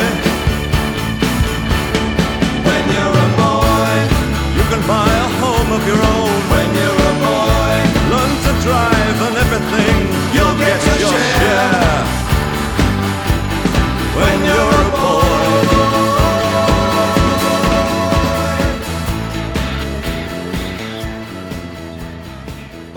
Bra. Men du, då ska vi ta en liten, eh, liten paus här i mitten och eh, eh, ranka, eh, säga våra fem favoritalbumomslag. Eh. Mm. Det behöver inte ta så lång tid. Jag får väl eh, lägga in dem på show notes. Och nu hittar jag inte heller mina, mina anteckningar här. Prata på lite. Mm. Ska jag ta mina fem då? eller? Nej, men du kan prata bara lite allmänt. Om omslag? Jo, vi, Ja. vi sa ju det förr att eh, vi har inte varit så imponerade av hans omslag. Det känns ibland att man bara tagit någon bild och smält upp. Och sen eh, de senare omslagen har varit ganska ambitiösa. Eh, Ja. Jag tänker på Heathen och Reality och Hours kanske. Ja. Men de har vi tyckt varit överambitiösa. Det har bara varit jobbigt. Man, man kan inte läsa texten och liksom, det har varit ungefär... Man försöker vara artistisk liksom. Ja, kommer du ihåg Plym då som fick... Forcerad artisteri. Ja, precis. Och det blev liksom för... eh, Det, det är så mer avancerad konst känns det som. Som han ofta har hamnat i. Men Hiden så se- är det ju hans ansikte men det är ju förvrängt. Så han ser helt sjuk ut i den bilden. Och sen den Hours när Olof var här och han fick titta på. Han tyckte inte alls att det var snyggt. Det var ju för, för, för mycket. För plottrigt för Ja. mycket info.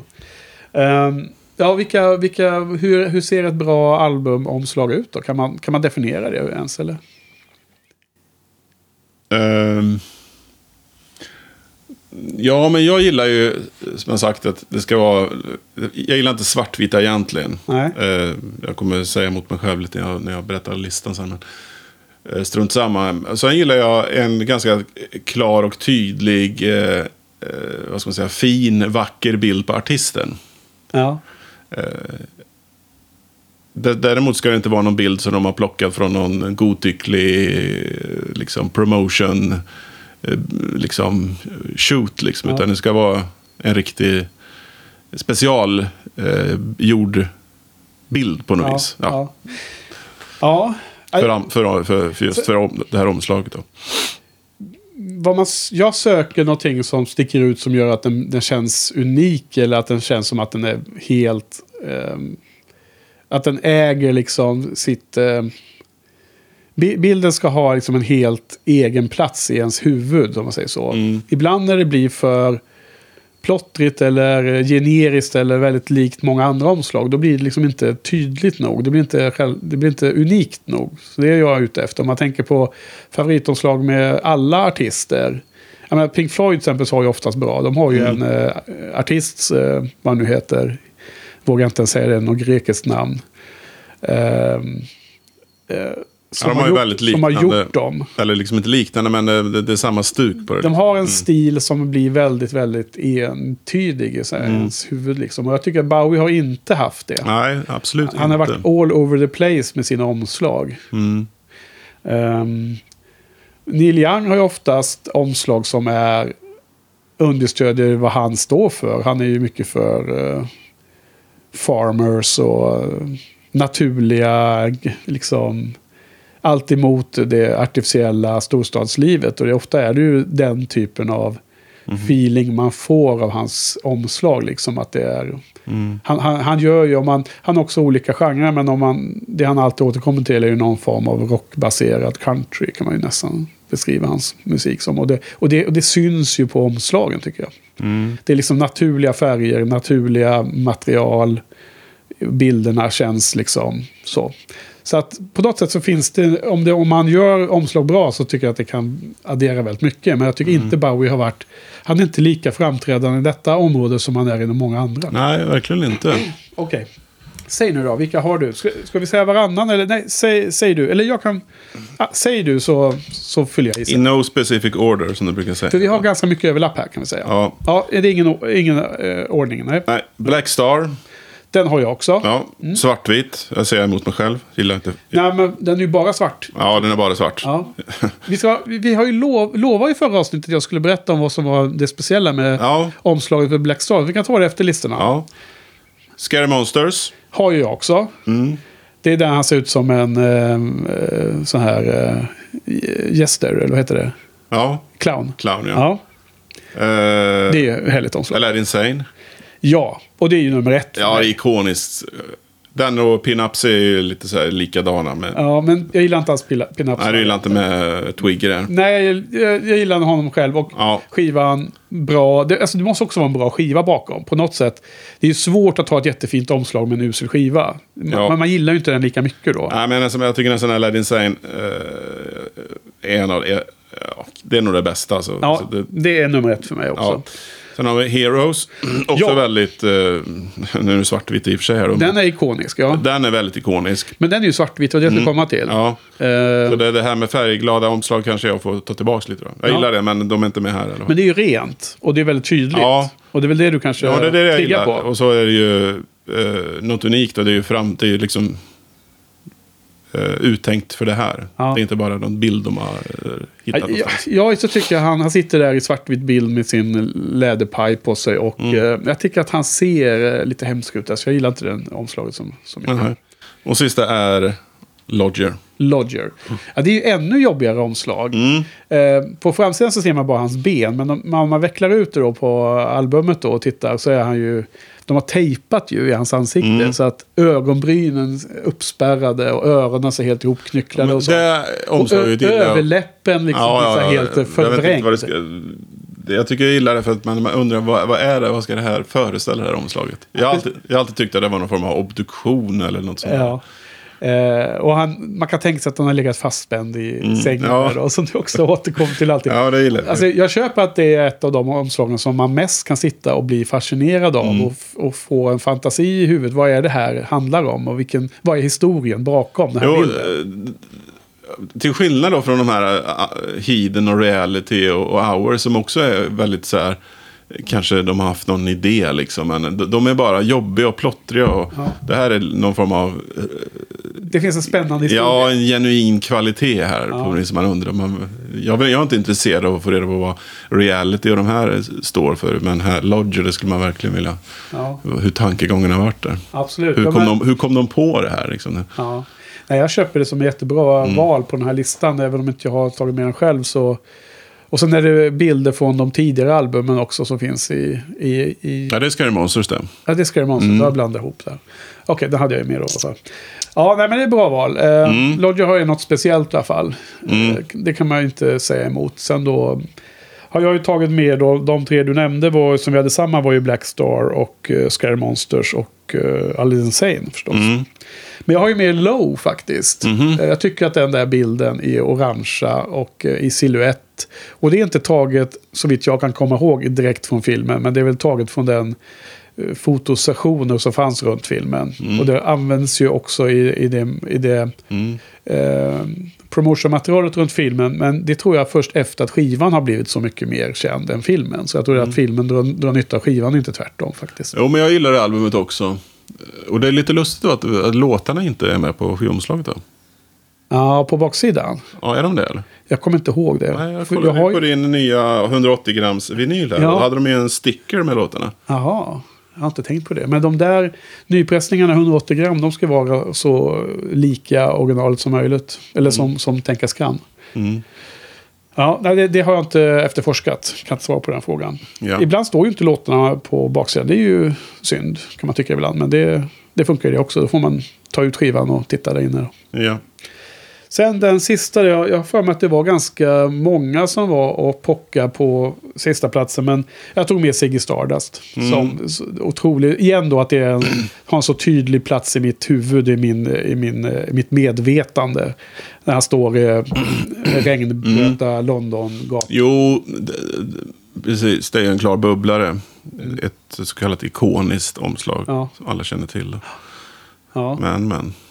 Ja, så vi kanske ska eh, spela en låt från Ziggy här. För jag tror vi har med någon låt från, på våra listor, va? Tror jag Ja. minst. Om inte Ja, fler. du var tv- tvungen att vara med en låt. Annars hade det varit tjänstefel känns Ja. som.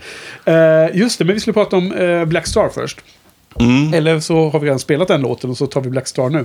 Jo, jag teasade förra veckan om att eh, Black Star LP-utgåvan av hans sista album hade en spännande liten detalj.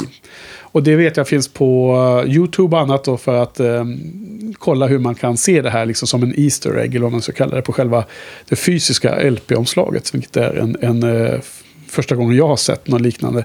Eller ja, det finns väl sådana omslag som varit lite mer avancerade. Någon, någon Rolling Stone där som har någon lös del. va? Någon Andy Warhol-omslag där man kan öppna och det finns på baksidan Mm. Ja, och så ja. Sticky fingers, ja. Ja, Det är något sånt där va? Mm. Det finns något sånt där de har latchat med. Men vilket fall som helst. Eh, det här är ett helt svart omslag som jobbar med eh, materialet och strukturen. Så att det är liksom blankt och sen är det i svart text på baksidan står alla låtarna, men i, i matt svart. Mot eh, bakgrunden är det blank svart.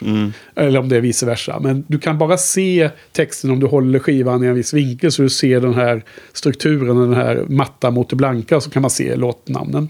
Det är lite fränt i sig. Framsidan så är det ju bara helt svart. Och sen så är det då utskuret en sån femuddig stjärna.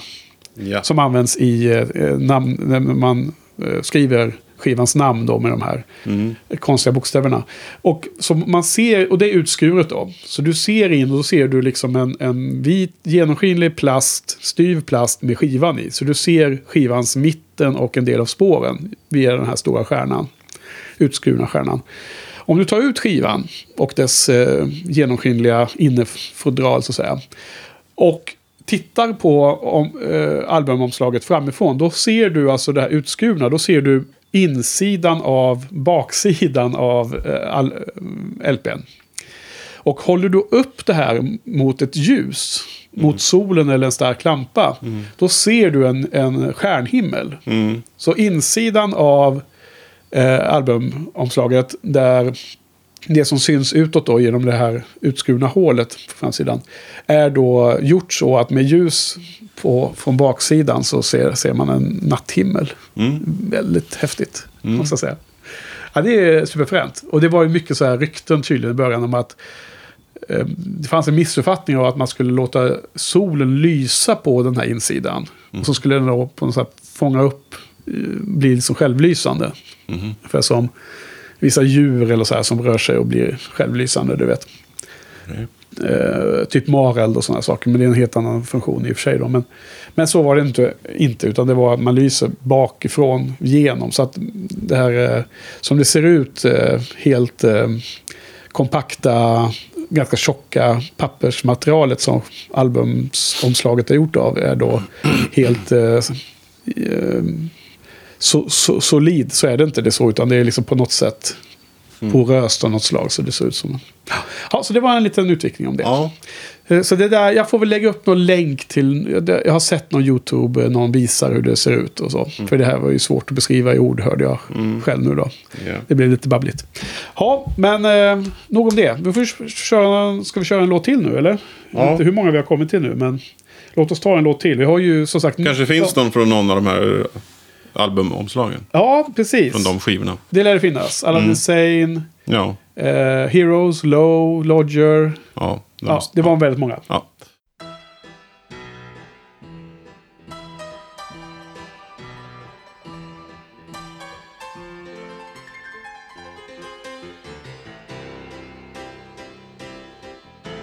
Time, he's waiting in the wings. He speaks of senseless things. His script is you and me. Boy, time, he flexes like a whore, falls wanking to the floor.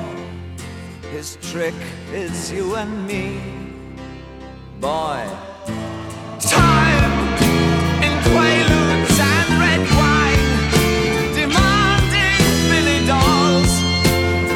and other friends of mine.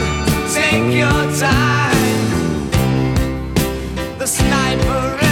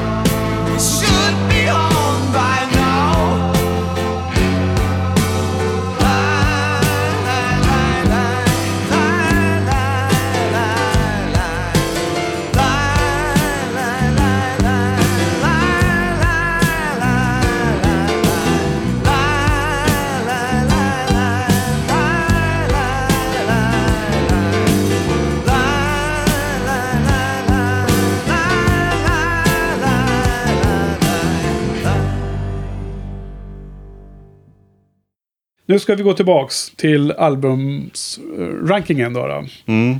Och nu är vi inne på plats 11 till 15, Olof. Mhm. Eh, har du något att komma med där? Ja, eh, vi har ju då Black Star från 2016. Ja. Här. Förlåt? På plats 11 till 15. Ja, Okej. plats 11. Ja. Young Americans Ja. från 74. Hunky Dory från 1971. Heathen från 2002 och Buddha of Suburbia från 1993. Har vi där. Ganska spretig grupp. År, ålders, eller årsmässig i alla fall. Ja. Black Star kommer högt här. Får man ju lov att säga. Ja. Eh, sen har vi Young American som, alltså här är ju bara bra. Ja, det var ju lustigt med den. Ja. Mm. För att du gillar ju den och tyckte, gav den jättehögt betyg och så. Men om du kommer ihåg så var jag ju än mer förtjust i Ja. den. Jag på något sätt uh, gill, Den är ju väldigt udda i hans... Ja, eh, en, en musik- udda fågel, men eh, Eh, Det var den här skivan som för mig var så mycket större än de ingående delarna. Mm. Det var själva... eh, Hu, alltså, att spela skivan som ett album är liksom det rätta att jobba med Mm. den skivan tycker jag. Än att lyfta ut enskilda låtar lika mycket. sen finns det ju en del eh, extra låt som har kommit då som, Ja, som också var bra. som är bra. Mm. Också bra så att, Precis. eh, Hunky Dory finns ju många klassiker på. Ja. Changes, Life on Mars. Precis. Men den är inte riktigt den här topp. Nej, Nej. alltså de, de svaga låtarna på uh, Hunky Dory gör att den, den går ner lite faktiskt. Mm. Den är ändå på över halvan i någon mening va? Eller runt. Ja, den, den, den är, hamnar i mitten här Ja. ganska exakt. Okej. Eh, och sen Heathen är ju bra. Ja. Den är ju den bästa av, av Heathen och Reality. ja, precis. Håller med. det, det är egentligen det är bara en grupp av två där. Eh, ja. Ja. Man kan ju ta med uh, The Next Day och Black Star där också såklart eftersom det är Tony Visconti. Då, men, uh, Heathen är riktigt bra. Ja. Mm. Och sen har vi Buddha of Suburbia, så också en sån här halleluja-grej som jag Ja. tyckte var suveränt bra. Gav väldigt högt betyg tillsammans med Black Tie White Noise. Och jag tycker fortfarande den är bra. Jag gillar det. Jag fick, som jag sa då, fick, vibbar från Berlin-eran Ja. och det var ju fantastiskt då tyckte jag. Vad hette, du har inte nämnt Black Tie White Noise ännu va? Jo, den var i den förra Ah, gruppen. den var lite längre. Mm. Okej, just det. ja, men då är jag med. Ja, nej, jag, på elfte plats har jag Hunky Dory. Mm. Eh, 12 har Heathen. Eh, 13 Outside 95. Mhm. 14 Scary Monsters. Oj, Ja. otroligt. Den, 14 plats. den är ju så... A-sidan är så mycket, mycket starkare än B-sidan. Så Mm. att det drar ju ner lite i mitt... Du vet, jag var inte alls lika förtjust i B-sidan som du. Nej, Eh, och det blir ju ändå svårt i konkurrensen här. Många skivor. ja det är hård, tuff, väldigt tuff konkurrens. Fem. 15 plats bara säga det innan vi sammanfattar den här gruppen Black Tie White Noise. Okej. Jag hade ju den lite högre då än eh, Bu- Buddha och eh, den hamnade där. Ja, Det här är liksom tre, starka treor till eh, en svag fyra. Fyra då på Hunky Dory. Så att nu har vi kommit in på den, på den, nivå, den nivån. Ja, du blir förvånad på Scary Monsters där. Jag förstår det. Det är ju en... Best since Scary Monsters. Ja, precis. Har du inte läst det? Det är något som vi alltid återkommer till. Ja. Ja, men det är en sån skiva som man tänker sig är topp 5-skiva alltid hi- historiskt. Men när jag gör den här eh, extremt eh, ovetenskapliga och helt eh, känslomässigt orienterade sorteringen så hamnar den där i den gruppen. Ja, det, vi vi ska inte ifrågasätta detta. Nej. Eh, plats 6-10 då. Börjar närma sig de riktigt tunga albumen. Ja, ja vi, är redan, vi är där bland de riktigt tunga. Ja. För jag har Ziggy Stardust på plats nummer sex. Ja, Plats nummer sju har vi The Next Day från 2013. ja, En väldigt hög placering för en så sen skiva. ja. Eh, sen har vi Lodger från 79. Ja, som du gillar jag. Och sen har vi Aladdin Insane från 73. Oj, Ja, lågt. plats nio då. Low. Och precis, plats 10, Station to Station. Ja. ja, det är lustigt att vi, eh, vi har så mycket som är samspelt men ändå har vi våra, skiljer oss här lite, våra skiljelinjer. Ehm, jag kan dra min eh, grupp om fem album. Sjätte plats Ziggy Stardust som du hade. Mhm. Sjunde Heroes. Mm. Åttonde Low. Mhm. Nionde The Next Day. Mm. Och tionde Diamond Dogs. Mm. Så vissa överlapp här. Mm. Två stycken. Och sen eh, har, eh, har vi blandat lite från grupp ett mellan varandras här. Lite korsvis. Känns det som. Ja. Coolt. Ja, ta topp fem då. Ja, Eller ska vi ta dem från femte plats och ner? Ja, jag tänkte göra det. spännande. Och så varannan. Okej. Tar vi varannan då. Så din plats fem nu då? Eh, Heroes från 77. Nej, 78. För, förlåt. Sju va? 77 också? De kommer samma år. Ja, det kanske var så ja. Ja. Ja, så var det. Low först och sen Ja. Heroes. Jaha, så eh, femte. Ja. Mm. Va, var inte det högre än vad du hade gissat innan vi började podda? Eller hade du den så högt rankad även innan eller? Mm, ja, kanske lite högre än vad jag trodde. Ja, jag har den på plats sju så den Ja. är ju högt liksom. Ja, ja. Mm. Ja. Ehm, ja, det är fantastiskt. Mm. Ja, eh, ändå den har liksom för mig en väldigt, väldigt tung låt med Heroes och sen är det ju resten mer stämning liksom. Mm. Mm. Håller du med eller? Mycket möjligt att det är så, ja. Mm. Min femma är Young Americans. Ja. Som vi nämnde här alldeles nyss. Mm. Jag tycker den är som, som album är den så himla grym. Mm. Eh, fjärde plats då? Där har jag Low Okej. Från 77. Ja, vad lustigt att de, du också klumpar ihop dem, för det har jag också gjort. Mm. Det är ju lite svårt att, att skilja dem på, åt, va? Ja, vi, du kunde ha lite problem med det. Lite mer problem än vad jag hade tror jag. Ja, de instrumentala är ju ibland svårt. Jo, jo det, det, så är det ju. Ja. Eh, absolut. Eh, och eh, jag började med att tycka att Low var starkare än Heroes, men Heroes hade en sån stark avslutning så jag liksom Mm. nästan känner att Heroes är den starkare ändå. Eh, Low har ju mindre ins- instrumentalt totalt sett va? Kanske. Ja, men det är solid. Din fjärde Mm. plats. Min fjärde plats är Station to Station. Ja, det är mycket bra. Ja. Eh, Alltså, mycket bra skiva eller mycket bra placering för en så... Ja, nej, alltså det är en bra placering också, men eh, det är mycket bra skiva. Du har ju tunga låtar där. Men det finns mm, det är några låtar. Jag gillar inte Stay bland annat. Nej, just det. Det var den du var, ja. Fast den är ju grym live. Ja, okej, du tycker det. TVC15 däremot är ju skitbra. Ja. Den borde nästan varit med på min Best of men-lista, men jag glömde nog bort Dina den. jag. tio där. Ja. Ja. Ja, se där. Ja, nej men jag, jag tycker den, den tillsammans med Young Americans, så jag, jag nämnde det när vi poddade om dem. Båda de är ju liksom där albumen går Mm. före enskilda låtar. Alltså det, summan är större än ingående. Okej, och på tredje plats då, Bronze. Där har vi Let's Dance. Let's Dance. Ja, Känns som att det var... Hade, hits upon hits. ja, jag tror du hade den där även när vi hade mellan, mellan Mm. av, eh, avstämningen. Ja, Jag har faktiskt klämt in ända här uppe Blackstar. Oj då, ja. För att hela den... Eh, Mm. känslomässiga eh, anknytning till hans sista platta där blev så väldigt eh, stark för mig. Mm. Eh, det är möjligt att eh, om ett år när hela den här eh, poddresan har fått svalna lite att, att det här skulle ändra sig. Men det är som jag känner nu. Mm. Mm. Och det är ju mycket på grund av den grymma låten då. Och även att hela skivan är, ger en, en sån känslomässig Mm. impact som jag gör. Jo, absolut. Skivan måste höjas högt, högt för mig. Den är väldigt bra. Första sidan, nej det går inte att säga. Jo, jo första sidan kanske till och med.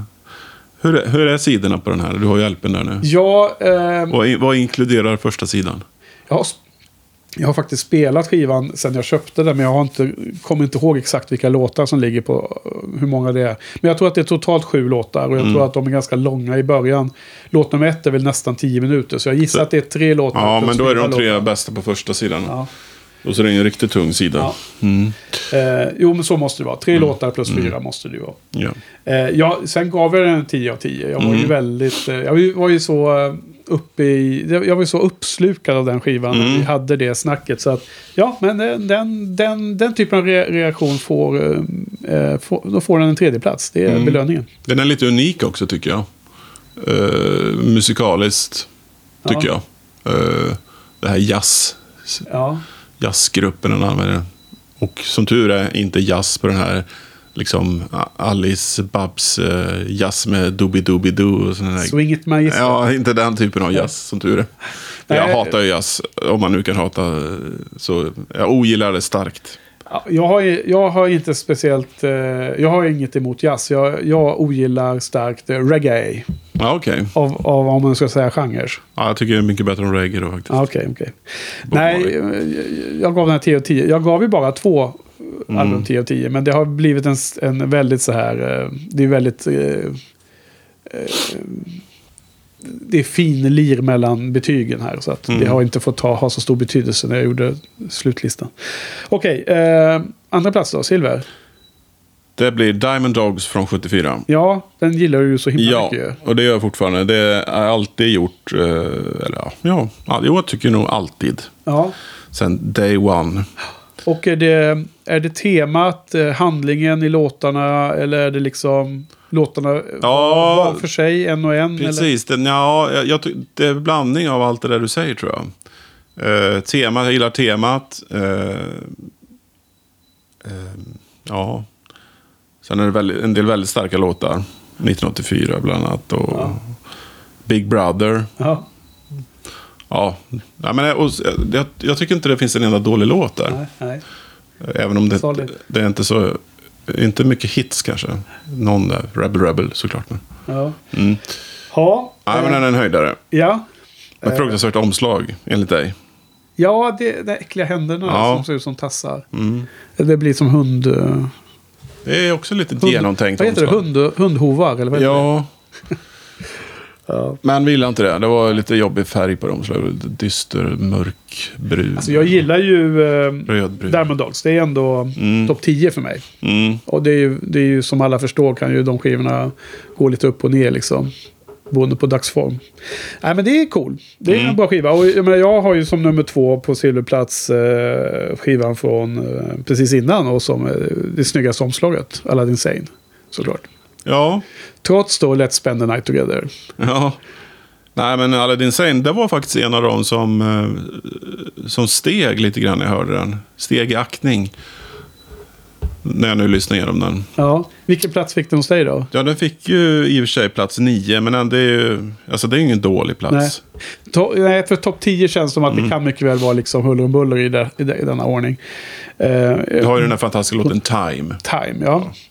Och den är ju med åtminstone på våran 19 Ja, ja. låtar långa Och, eh. Lyckligtvis. Inte, ja. inte på grund av dig då dock. Nej, precis. Nej, men skulle man ha med en topp 10 av live-versioner så skulle Time vara med från Okej. 1987. Den Ja. är helt fantastisk, eh, Ja, dra- den, dramatisk. jag tror jag eh, spelade lite från den på det avsnittet va? Gjorde Ja, just det. Jo, men den är väldigt, från, väldigt starkt. Eh, han levererar en väldigt stark eh, röstinsats. Ja. Mm. Det var ju den här eh, Glass Spider Tour. Ja. Som finns på, på både eh, live CD och live DVD.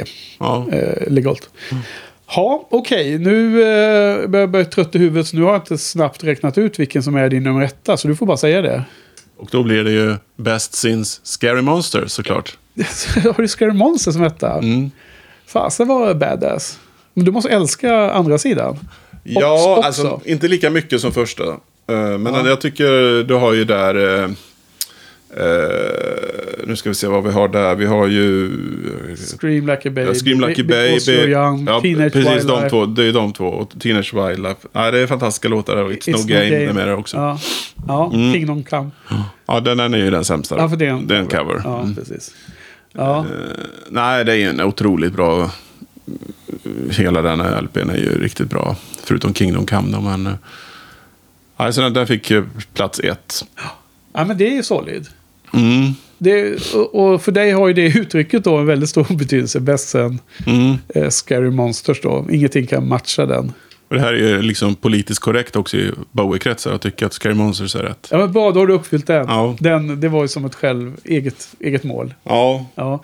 Ja, då, jag är kanske inte lika solid då bland. Bowie-fansen då. För att, eh, ja, då har du väl lyckats räkna ut Precis. det redan att det är samma etta som jag hade i halvtid.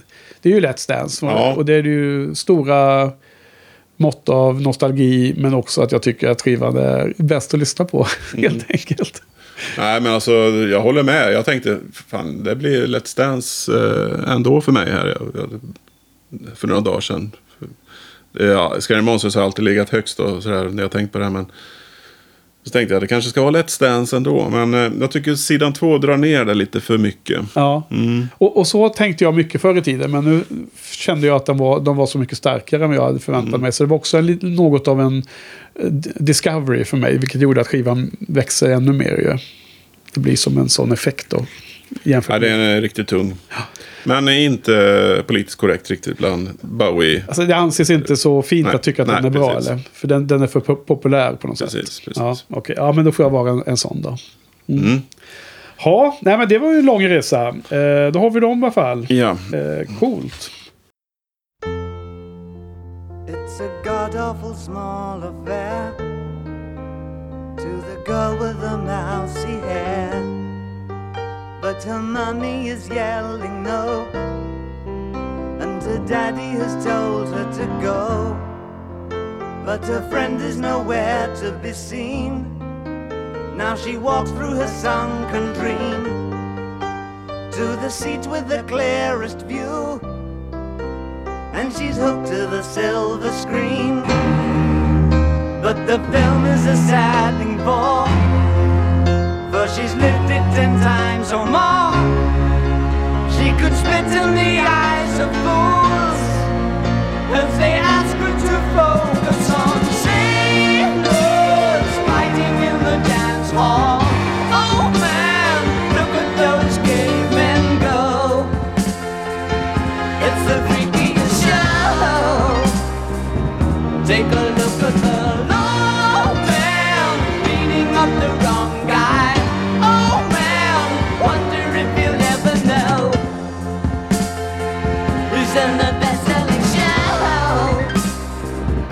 Is their life on Mars?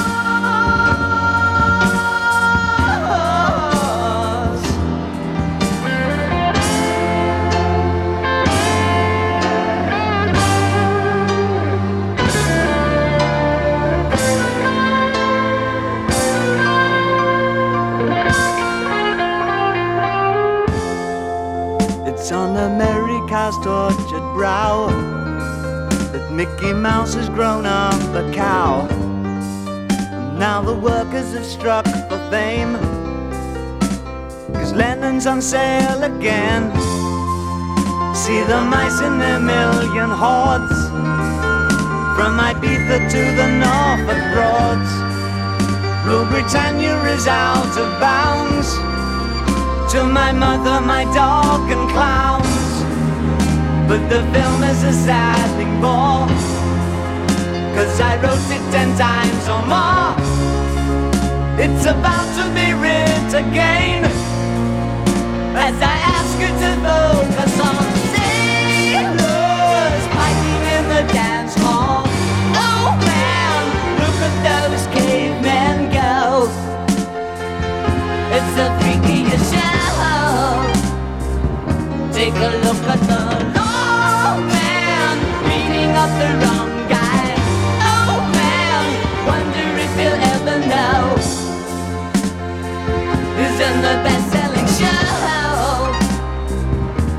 Is their life on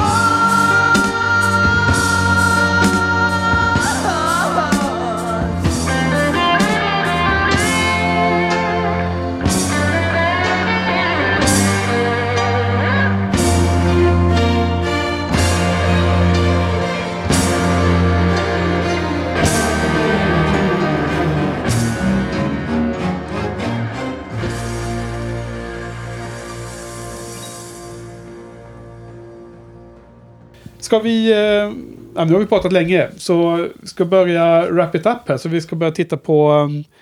Jag kommer ju dokumentera allting i show notes. Så jag eh, säger än en gång. Gå in och kolla där. För de som vill titta över lite. Se vad Shiny-podden med Henke och Olof tyckte om Bowies eh, hela karriär. Men eh, vi såg ju att vi skulle ta tio personliga valda låtar. Och nu har vi hunnit spela en hel del av dem. Mm. Men inte alla 19 förstås. Nej. Och vi har ju minst en plats kvar. Avsluta avsnittet med en låt också som vi bestämde på fikat innan. Men Mm. om du säger det, så, så vi har avslöjat eh, några här. Och det, Mm. det har varit kul, hoppas jag, för lyssnarna att, att räkna in de olika låtarna. Men vi kanske inte har spelat alla. Så du kan väl säga dina, dina Mm. tio favoriter. Ja. och eh, några ord om det, om hela, Precis, jag listan, kan- hela listan som sådan. Jag tänkte så här när jag ska välja ut. Och nu nu ska Ja. jag försöka välja ut ö- ö- från hela tidsspannet då. Okej, Men det gick inte. För Nej. att liksom, jag kunde inte motivera det. nej.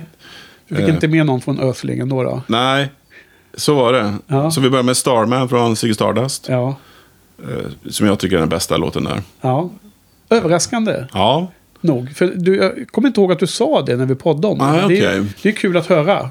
ja men den är en höjdare. Ja, Eh, sen har vi 1984, 1984 från eh, Diamond Dogs. ja, Eh, sen kommer Be My Wife from Low. ja.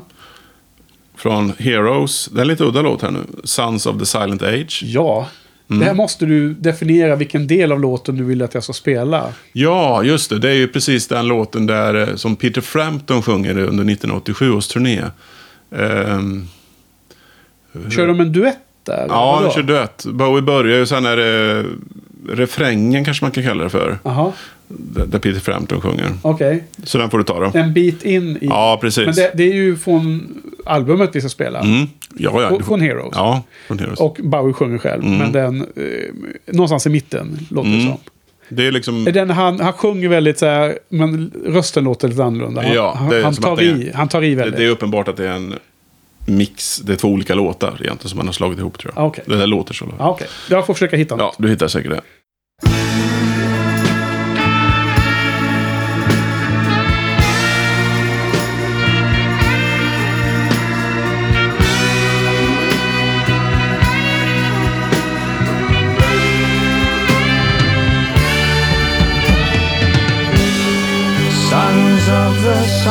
Age stand on platforms, blank books and notebooks. Sit in back rows of city limits, lie in bed, coming and going on easy terms. Sons of the silent age pace their rooms like a cell's dimension. Rise for a year or two, then make war. Search through their one inch thoughts, then decide it couldn't be done. Baby,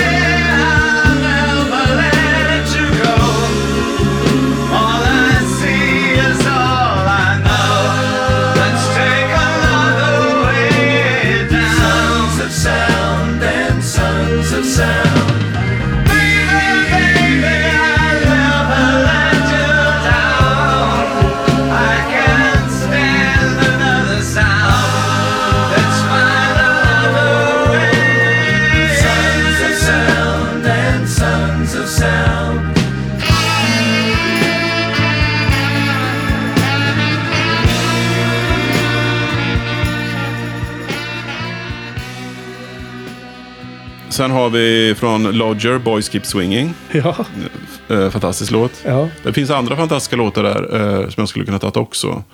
Eh, jag tänker på DJ. Ja, DJ kanske DJ är singel och uh, Look Back in Anger. Ja. Ja. Nej, Boys Keep Swinging Ja. är bäst. Sen har vi Ashes to Ashes från Scary Monsters. Ja. Och vi har också Fashion från Scary Monsters. Ja, två låtar på samma Mm, skiva. ja, men de låtarna är ju suveräna. Ja. De tröttar man nästan aldrig på. Nej. Nej. Nej, Ja, det gör det- man nog inte. Och där Ashes är lite starkare. Ja, det håller jag med om. Sen har vi Let's Dance från Let's Dance, Ja. givetvis. Ja, Fantastiskt. Det måste, ja, det är en eh, inle, alltså introt på den låten är ju helt Ja. så här, man bara, oh, varenda gång man hör det så, Ja. spelar ingen roll hur många gånger man har hört det så bara, wow. ja, precis. Man blir och, helt och vi, galen. vi inledde ju hela det här Mm. avsnittet med Let's Dance. En del från den låten. Precis. Eh, sen har vi en annan låt från Let's Dance med Modern Love. Ah, Okej, ja. Jag tror det är avslutande låten på den skivan. Eh, vad- förlåt?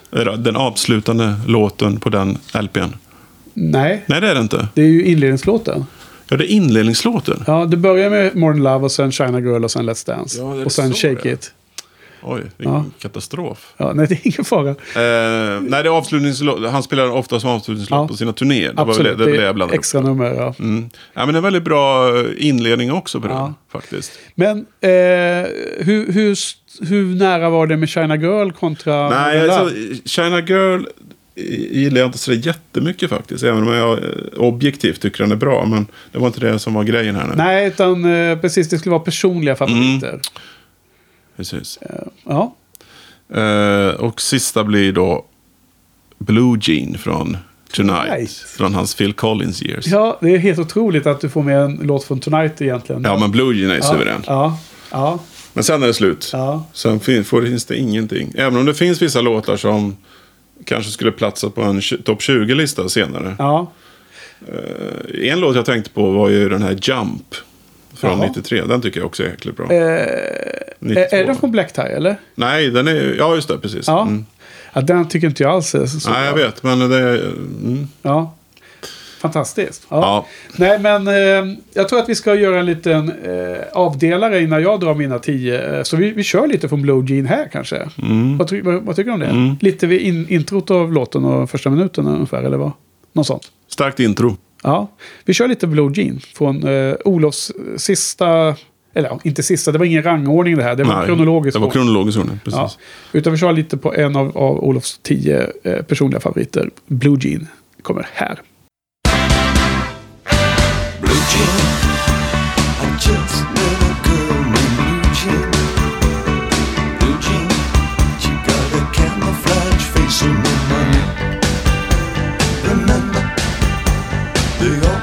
You down when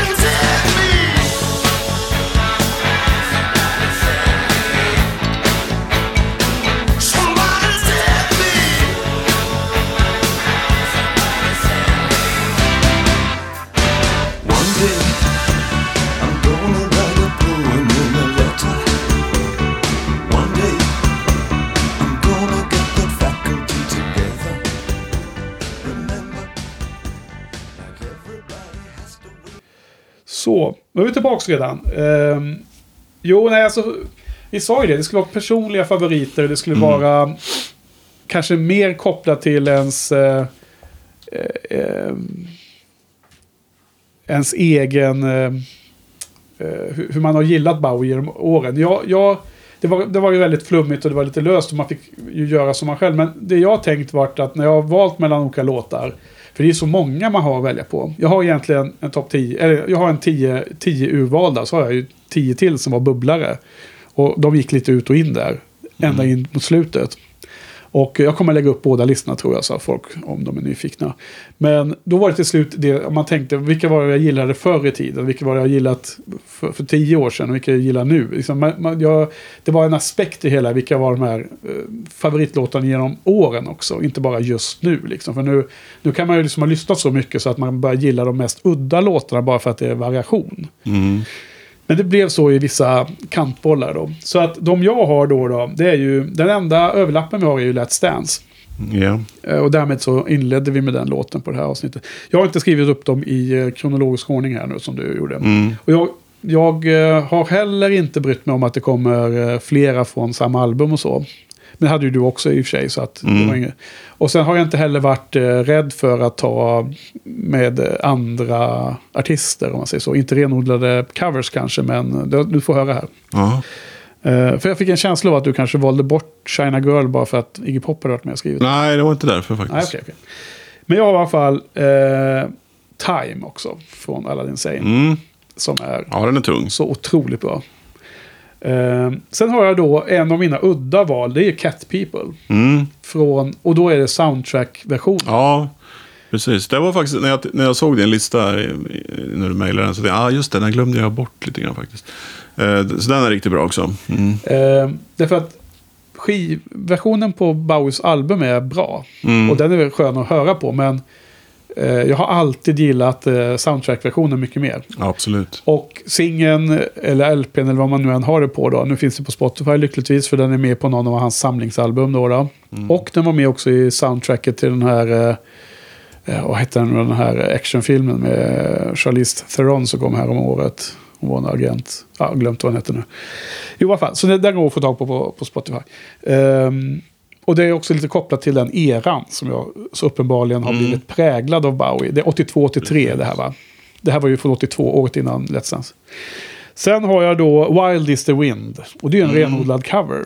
Ja, men det är å andra sidan kanske den bästa. Ja. Jo, men det vill jag ju hävda också. Eh, Just det, för att Cat People är då musiken skrivet av Giorgio Moroder, eller vad han nu heter. Ja. Och sen här har vi en renodlad cover, men det, alltså han sjunger ju så bra. Och det, den liksom, sista låten på Station to Station, det, det är så underbart. Liksom, så att jag, jag var tvungen att ta med den. Sen har jag då Moon Age Daydream från eh, Siggy. Ja, ja. Mm. För den har alltid varit min, eh, en sån där eh, hemlig favorit. Mm. Eh, och jag tycker den är, eh, den har jag har gillat den så mycket så länge i livet att den måste vara med på de här tio personliga favoriterna. Eh, sen har jag då eh, Lazarus från Blackstar. Mm. Eh, så absurt eh, tung text tycker jag. Så Ja, absolut. Den bästa på, där, på den skivan. Bästa sen eh, Scary Monster. Ja, ja, den är ju riktigt tung den låten. Ja. Så att eh, absolut. Eh, för jag hade att välja på de bästa låtarna från Heathen och från The Next Day och från Mm. eh, Blackstar. Det kändes som att de, de fick en spot. Mm. Då blev det... Ja, då, då måste det nog nästan bli den. Ja. För Slip Away var, ju- är ju med på bubblarna här då. Mm. Och även den här Love is eh, Lost. Love is lost. ja. De, båda de är grymma också. Men det blev på något sätt så för att det, det var så ont om platserna till slut. Sen har vi då China Girl. Mm. Tycker ju fortfarande att den andra halvan av den låten är så otroligt eh, orgasmiskt bra. Om man Mm. säger så. Och både sången och eh, vad heter det, desperationen i sångrösten. Mm. Eh, sen har jag Life on Mars. Mm. Eh, och som jag blev så förvånad över att inte du hade med faktiskt. Ingen kritik, men jag vill, det var bara en... Nej, nej alltså, den är ju en riktigt tung låt. eh, Såklart. Ja. Hade man haft den, den objektiva listan, Aha, den politiskt korrekta listan, den hade nog varit, varit med där då. ja, just det. Med Heroes och Space Oddity måste Mm. Ja, vara med också. Ja, okej. Precis. Sen har jag då eh, en, en låt som jag gissar att väldigt är med på väldigt få sådana här listor bland alla Bowie-fans. Men det är Drive-In Saturday som är en Mm. sån jättepersonlig favorit. Den Ja. andra från Aladdin Sane. Ja, det, det tycker jag också. Den är... Eh, eh, det var en låt som, när man fick reda på vad texten handlade om nu, Ja, så steg den ännu mer. Den var så rolig. Eh, Ja. det handlade, vad var det det handlade om? Det var, eh, det var någon framtidsgrej om att eh, par lärde sig hur de skulle ha umgänge genom att titta på film, eller hur det var. Jag kommer det står still i huvudet på mig nu. Fast Ja. det tycker du ungefär. Ja. Ja. Det, det är väl en, en av film, filmernas funktion även nu. Liksom, så. Ja, det, är, det är mycket melodin och, och texterna är mer rader. Men det var ju också lustigt att vi pratade om att Bowie gjorde en sån här cut-up-tekniken. Att han Precis. skrev lyrics och sen eh, klippte Mm. upp den och eh, om, flyttade om meningar. Och det gör ju att det blir ännu mer skönt att veta att man inte behöver vara supertight med analysen alltid. Utan en, en one-liners i Bowies texter kan duga mycket väl. Liksom, För Mm. att de kanske en, inte ens sitter på rätt plats. Liksom. Det var en stark hit också tror jag, Drive-In Saturday. Ja, det kanske det var. Mm. Ja, nej, det har varit en av de här ehm, eh, eh, som mest bär de här minnena som bubblar upp när man hör. Och sen har jag en låt kvar, sista, och det var ju då ehm, en låt som jag inte tycker är kanske topp 10 bäst, men som har varit så um, sån stor favorit så länge och är så otroligt bra i början i alla fall. Och det är Rock'n'Roll Suicide. Mm. Sista låten från Ziggy.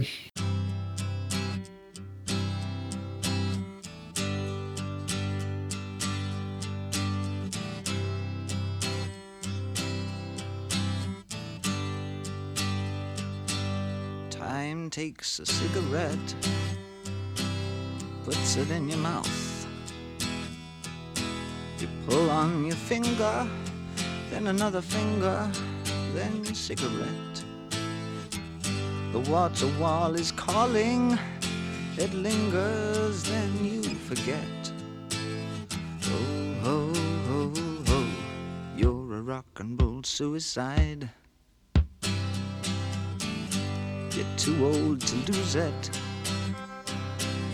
too young to choose it. And the clock waits so patiently on your song.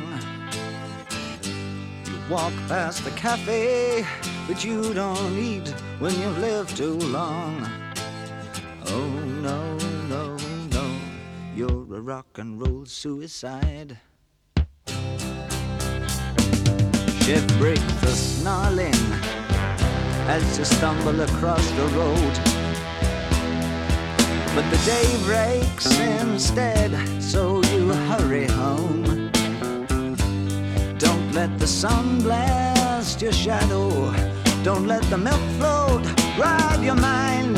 They're so natural, religiously unkind. Oh no, love, you're not alone.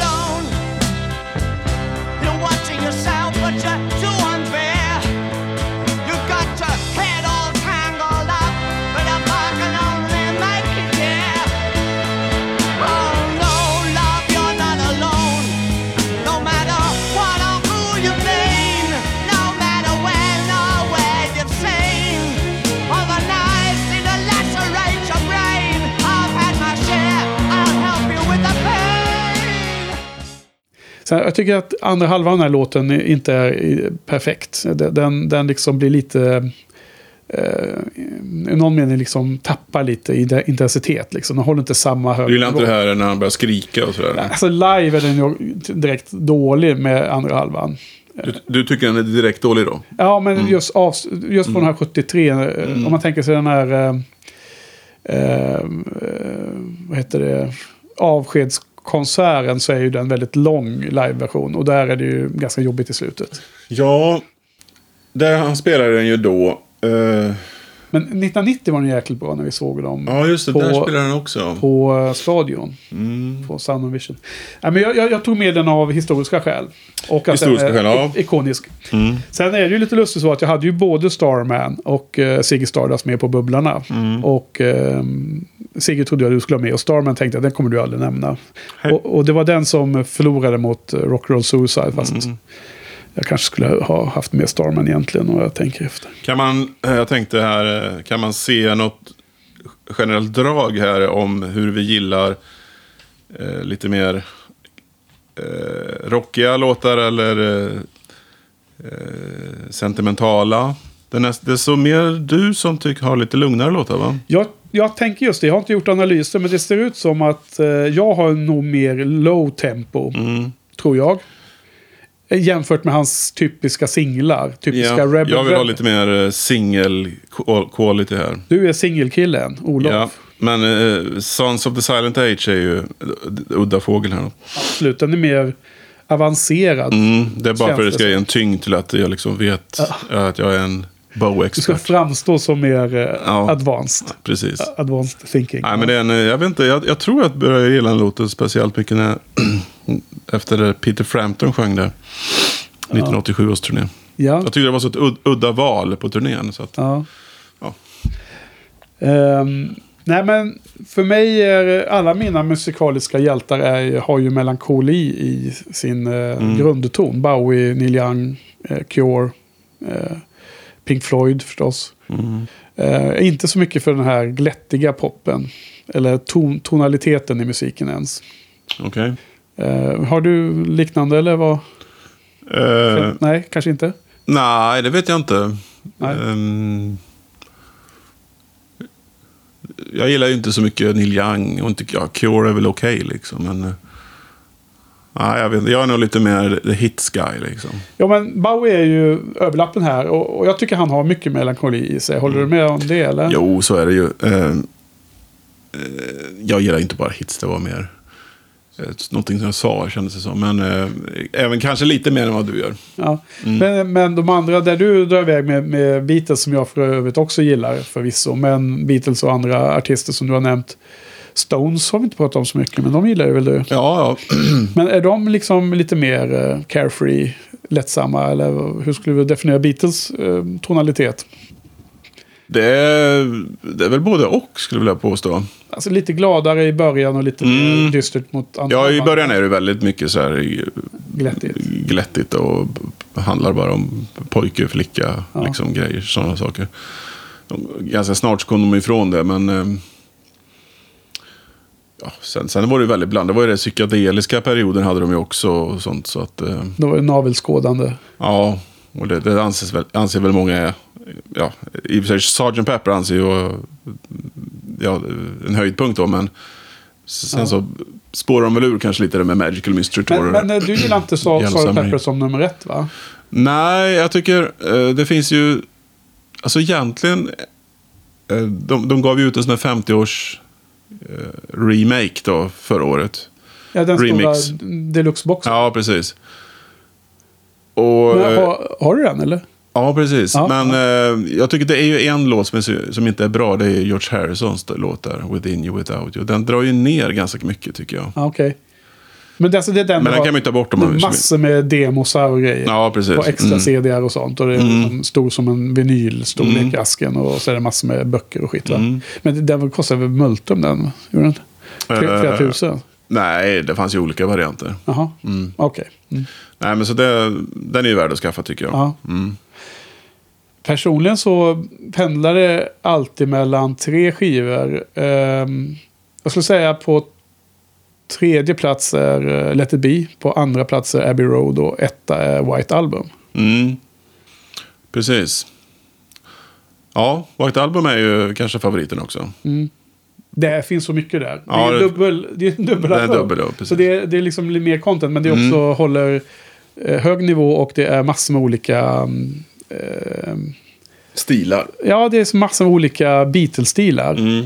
Inom ett litet universum av Beatles Precis. med massor olika där. Ja, men den är ju fantastisk. Och det ska ju också komma en sån här 50-årsgrej. Okej. Box här nu i höst. Det är någon som vill ha in mer cash. Ja. Det behövs mer cash nu. Precis. Nej, men det blir nog fantastiskt. Ja. Ehm, absolut. Mm. Abbey Road är också bra. Ja, den sista då. Ja. Och sen eh, Let It Be är ju så grym. Men det har man på något sätt blivit skadad av att höra alla, alla dessa sessioner på så kallad pirat. Med halvdåligt ljud. Så att Mm. på något sätt så kan inte den skivan separeras från minnena av att lyssna på alla dessa olika Nej, eh, sessioner med Take 7 och Take 19 och Mm. sådana saker. Nej, det är en kul skiva. Ja.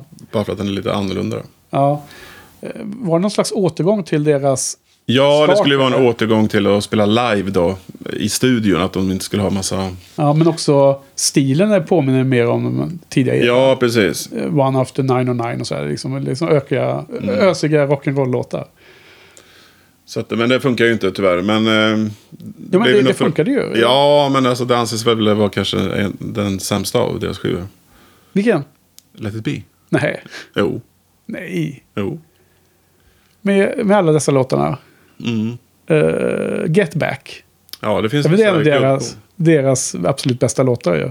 Ja, Okej, konstigt. Men det är mycket det här att Phil Men Spector eh, pro, producerade sönder skivan. Och, Jaha. Men den här uh, strippade versionen då, vad heter Raw eller något sånt? Ja, Naked heter den. Men Naked. den, den är ju... Ja, jag, jag tycker nästan bättre om Phil Spectors. Jag tycker inte han förstör den så mycket egentligen. Nej.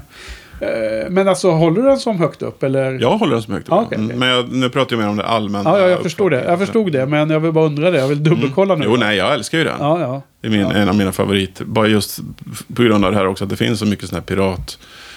Eh, anledningen att de spelar in en film samtidigt så det fanns ju kanske hundra timmar eh, liksom, material. Och ja. de bara ältade samma låt om och om igen. Ja, små, små variationer Mm. som fansen. Men det är ju just när det är, kommer ut så massor med material runt en skiva som en sån här legend byggs upp ju. Mm. Släpper man bara en skiva så finns ingenting för bootlegsmarknaden. Då, då blir det inte samma hype runt ju. Nej. Det är det de har missat tror jag, skivbolagen lite. När de jagar bootlegsfolken. Nej, precis. De biter sig själva i svansen. Ja. Så är det. det kanske är en annan eh, poddsäsong, vem Mm. vet? Om Beatles. Ja, finns det någon framtid i det här eller? Det var svårt att podda om musik tycker jag, men... Eh, eh, Mm. Vem vet? På 80-talet så var vi så för, förtjusta i Arnold Schwarzeneggers alla härliga filmer. Ja, just det. Så vet vad, vad år 2019 har i sitt sköte. Ja, Vi får fundera på det. Eller vad säger du Olof? ja vi får, det måste vi göra. Mm. Ja, nej, men vi ska vi kanske avsluta här då. Eh, tack för eh, hela den här säsongen. Ja, Superkul. ja, absolut. Det har ju varit otroligt många avsnitt. Ja. Det här är 28. Ja, Det var långt. ja. Eh, det är nästan otroligt att lyckas fixa 28 avsnitt. Ja. Eh, nej, men som vi sagt flera gånger, det, även om de dåliga eller mindre bra skivorna så har det ändå alltid funnits saker att prata om. Ja. Intressanta saker att prata om vad det gäller honom. Håller helt med. Det, Eh. det har ju varit en... Eh, annars hade det inte funkat såklart. Nej, även när han är dålig så är han intressant på något vis. Ja, håller helt med. Mm. Och eh, allting är lär, lärdom. Och jag har ju gått och närt en dröm om att eh, podda om Neil Young någon gång. Och gärna med Sir Per som är min Neil Young. Eh, min, den av mina kompisar som också älskar Neil Young mycket. Men det är ju det här med tiden och många avsnitt. Och Mm, det här, där pratar vi om dubbelt så många album dessutom. mm. Minst. Men eh, utan att ha siffran i huvudet. Men eh, det får vi se om det blir någon gång. Mm. Men det finns ju annat. Åter till filmens värld. Eh, så vi, vi får se om det blir en fortsättning med dig. Men uh, Shining-podden kommer fortsätta i alla fall. Jag får vi ju plugga lite för kommande säsong, Olof. innan vi är helt klara här. Vi kommer ju fortsätta redan nästa vecka. Så kommer vi ju, jag och Carl, podda om Coen Brothers. Bröderna Coen. Deras härliga filmer. Okej. Och ska... Kan du nämna några? Jag vet ju vilka du är, men... eh, Alltså, jag ihåg kändaste filmerna är ju The Big Lebowski, Ja, det. Fargo, No Country for Old Men, Ja, just det. Den är ju eh, skitbra. Oh Brothers Where Art, Art Thou, Thou. Eh, det är några kända filmer. Eh, och vi ska podda om eh, halva deras eh, film, eh, filmografi i just kommande säsong. Mhm. Har det blivit bestämt. Så, eh, och några av de lite mer ovanliga filmerna ska vi ta också. Så, Men de Ja. håller på fortfarande, eller? absolut. Ja. De eh, har, håller på fortfarande. Och jag vet inte vilken nästa heter och så. Det, men det finns säkert på IMDB om man vill titta efter. Ja. Ja, men du, då, eller några sista ord från dig? Eh, nej, jag hoppas vi har- eh, lyckats få några fler Bowie-fans. Ja, absolut. Det är väl bra. att- Bra Att kommentar. några fler i Sverige har blivit Bowie-fans. Alltså, vi hoppas att eh, de som har lyssnat på podden och tyckt att det var kul och Mm. höra oss babbla om det här. Och eh, att vi inte har suttit och återupprepat oss allt för mycket. Men det, är- det är väl någonting man alltid faller i den gropen. Eh, och att vi eh, så, såklart har, har lyckats presentera Bauer på ett fördelaktigt sätt. Hoppas att det har framkommit att vi Mm. gillar honom, den mannen. Precis. Allt är inte bra, men allt är intressant. Ja, Tycker jag. mm. och det är väl värt mycket det. Mm. Ja, men det är bra. Bra, bra kommentar. Det är ett alternativ till dagens artister, tycker jag. Ja, just det. Så om man vill ha mer än en låt per år så Mm. kan man titta på Bauers 70-tal. Mm.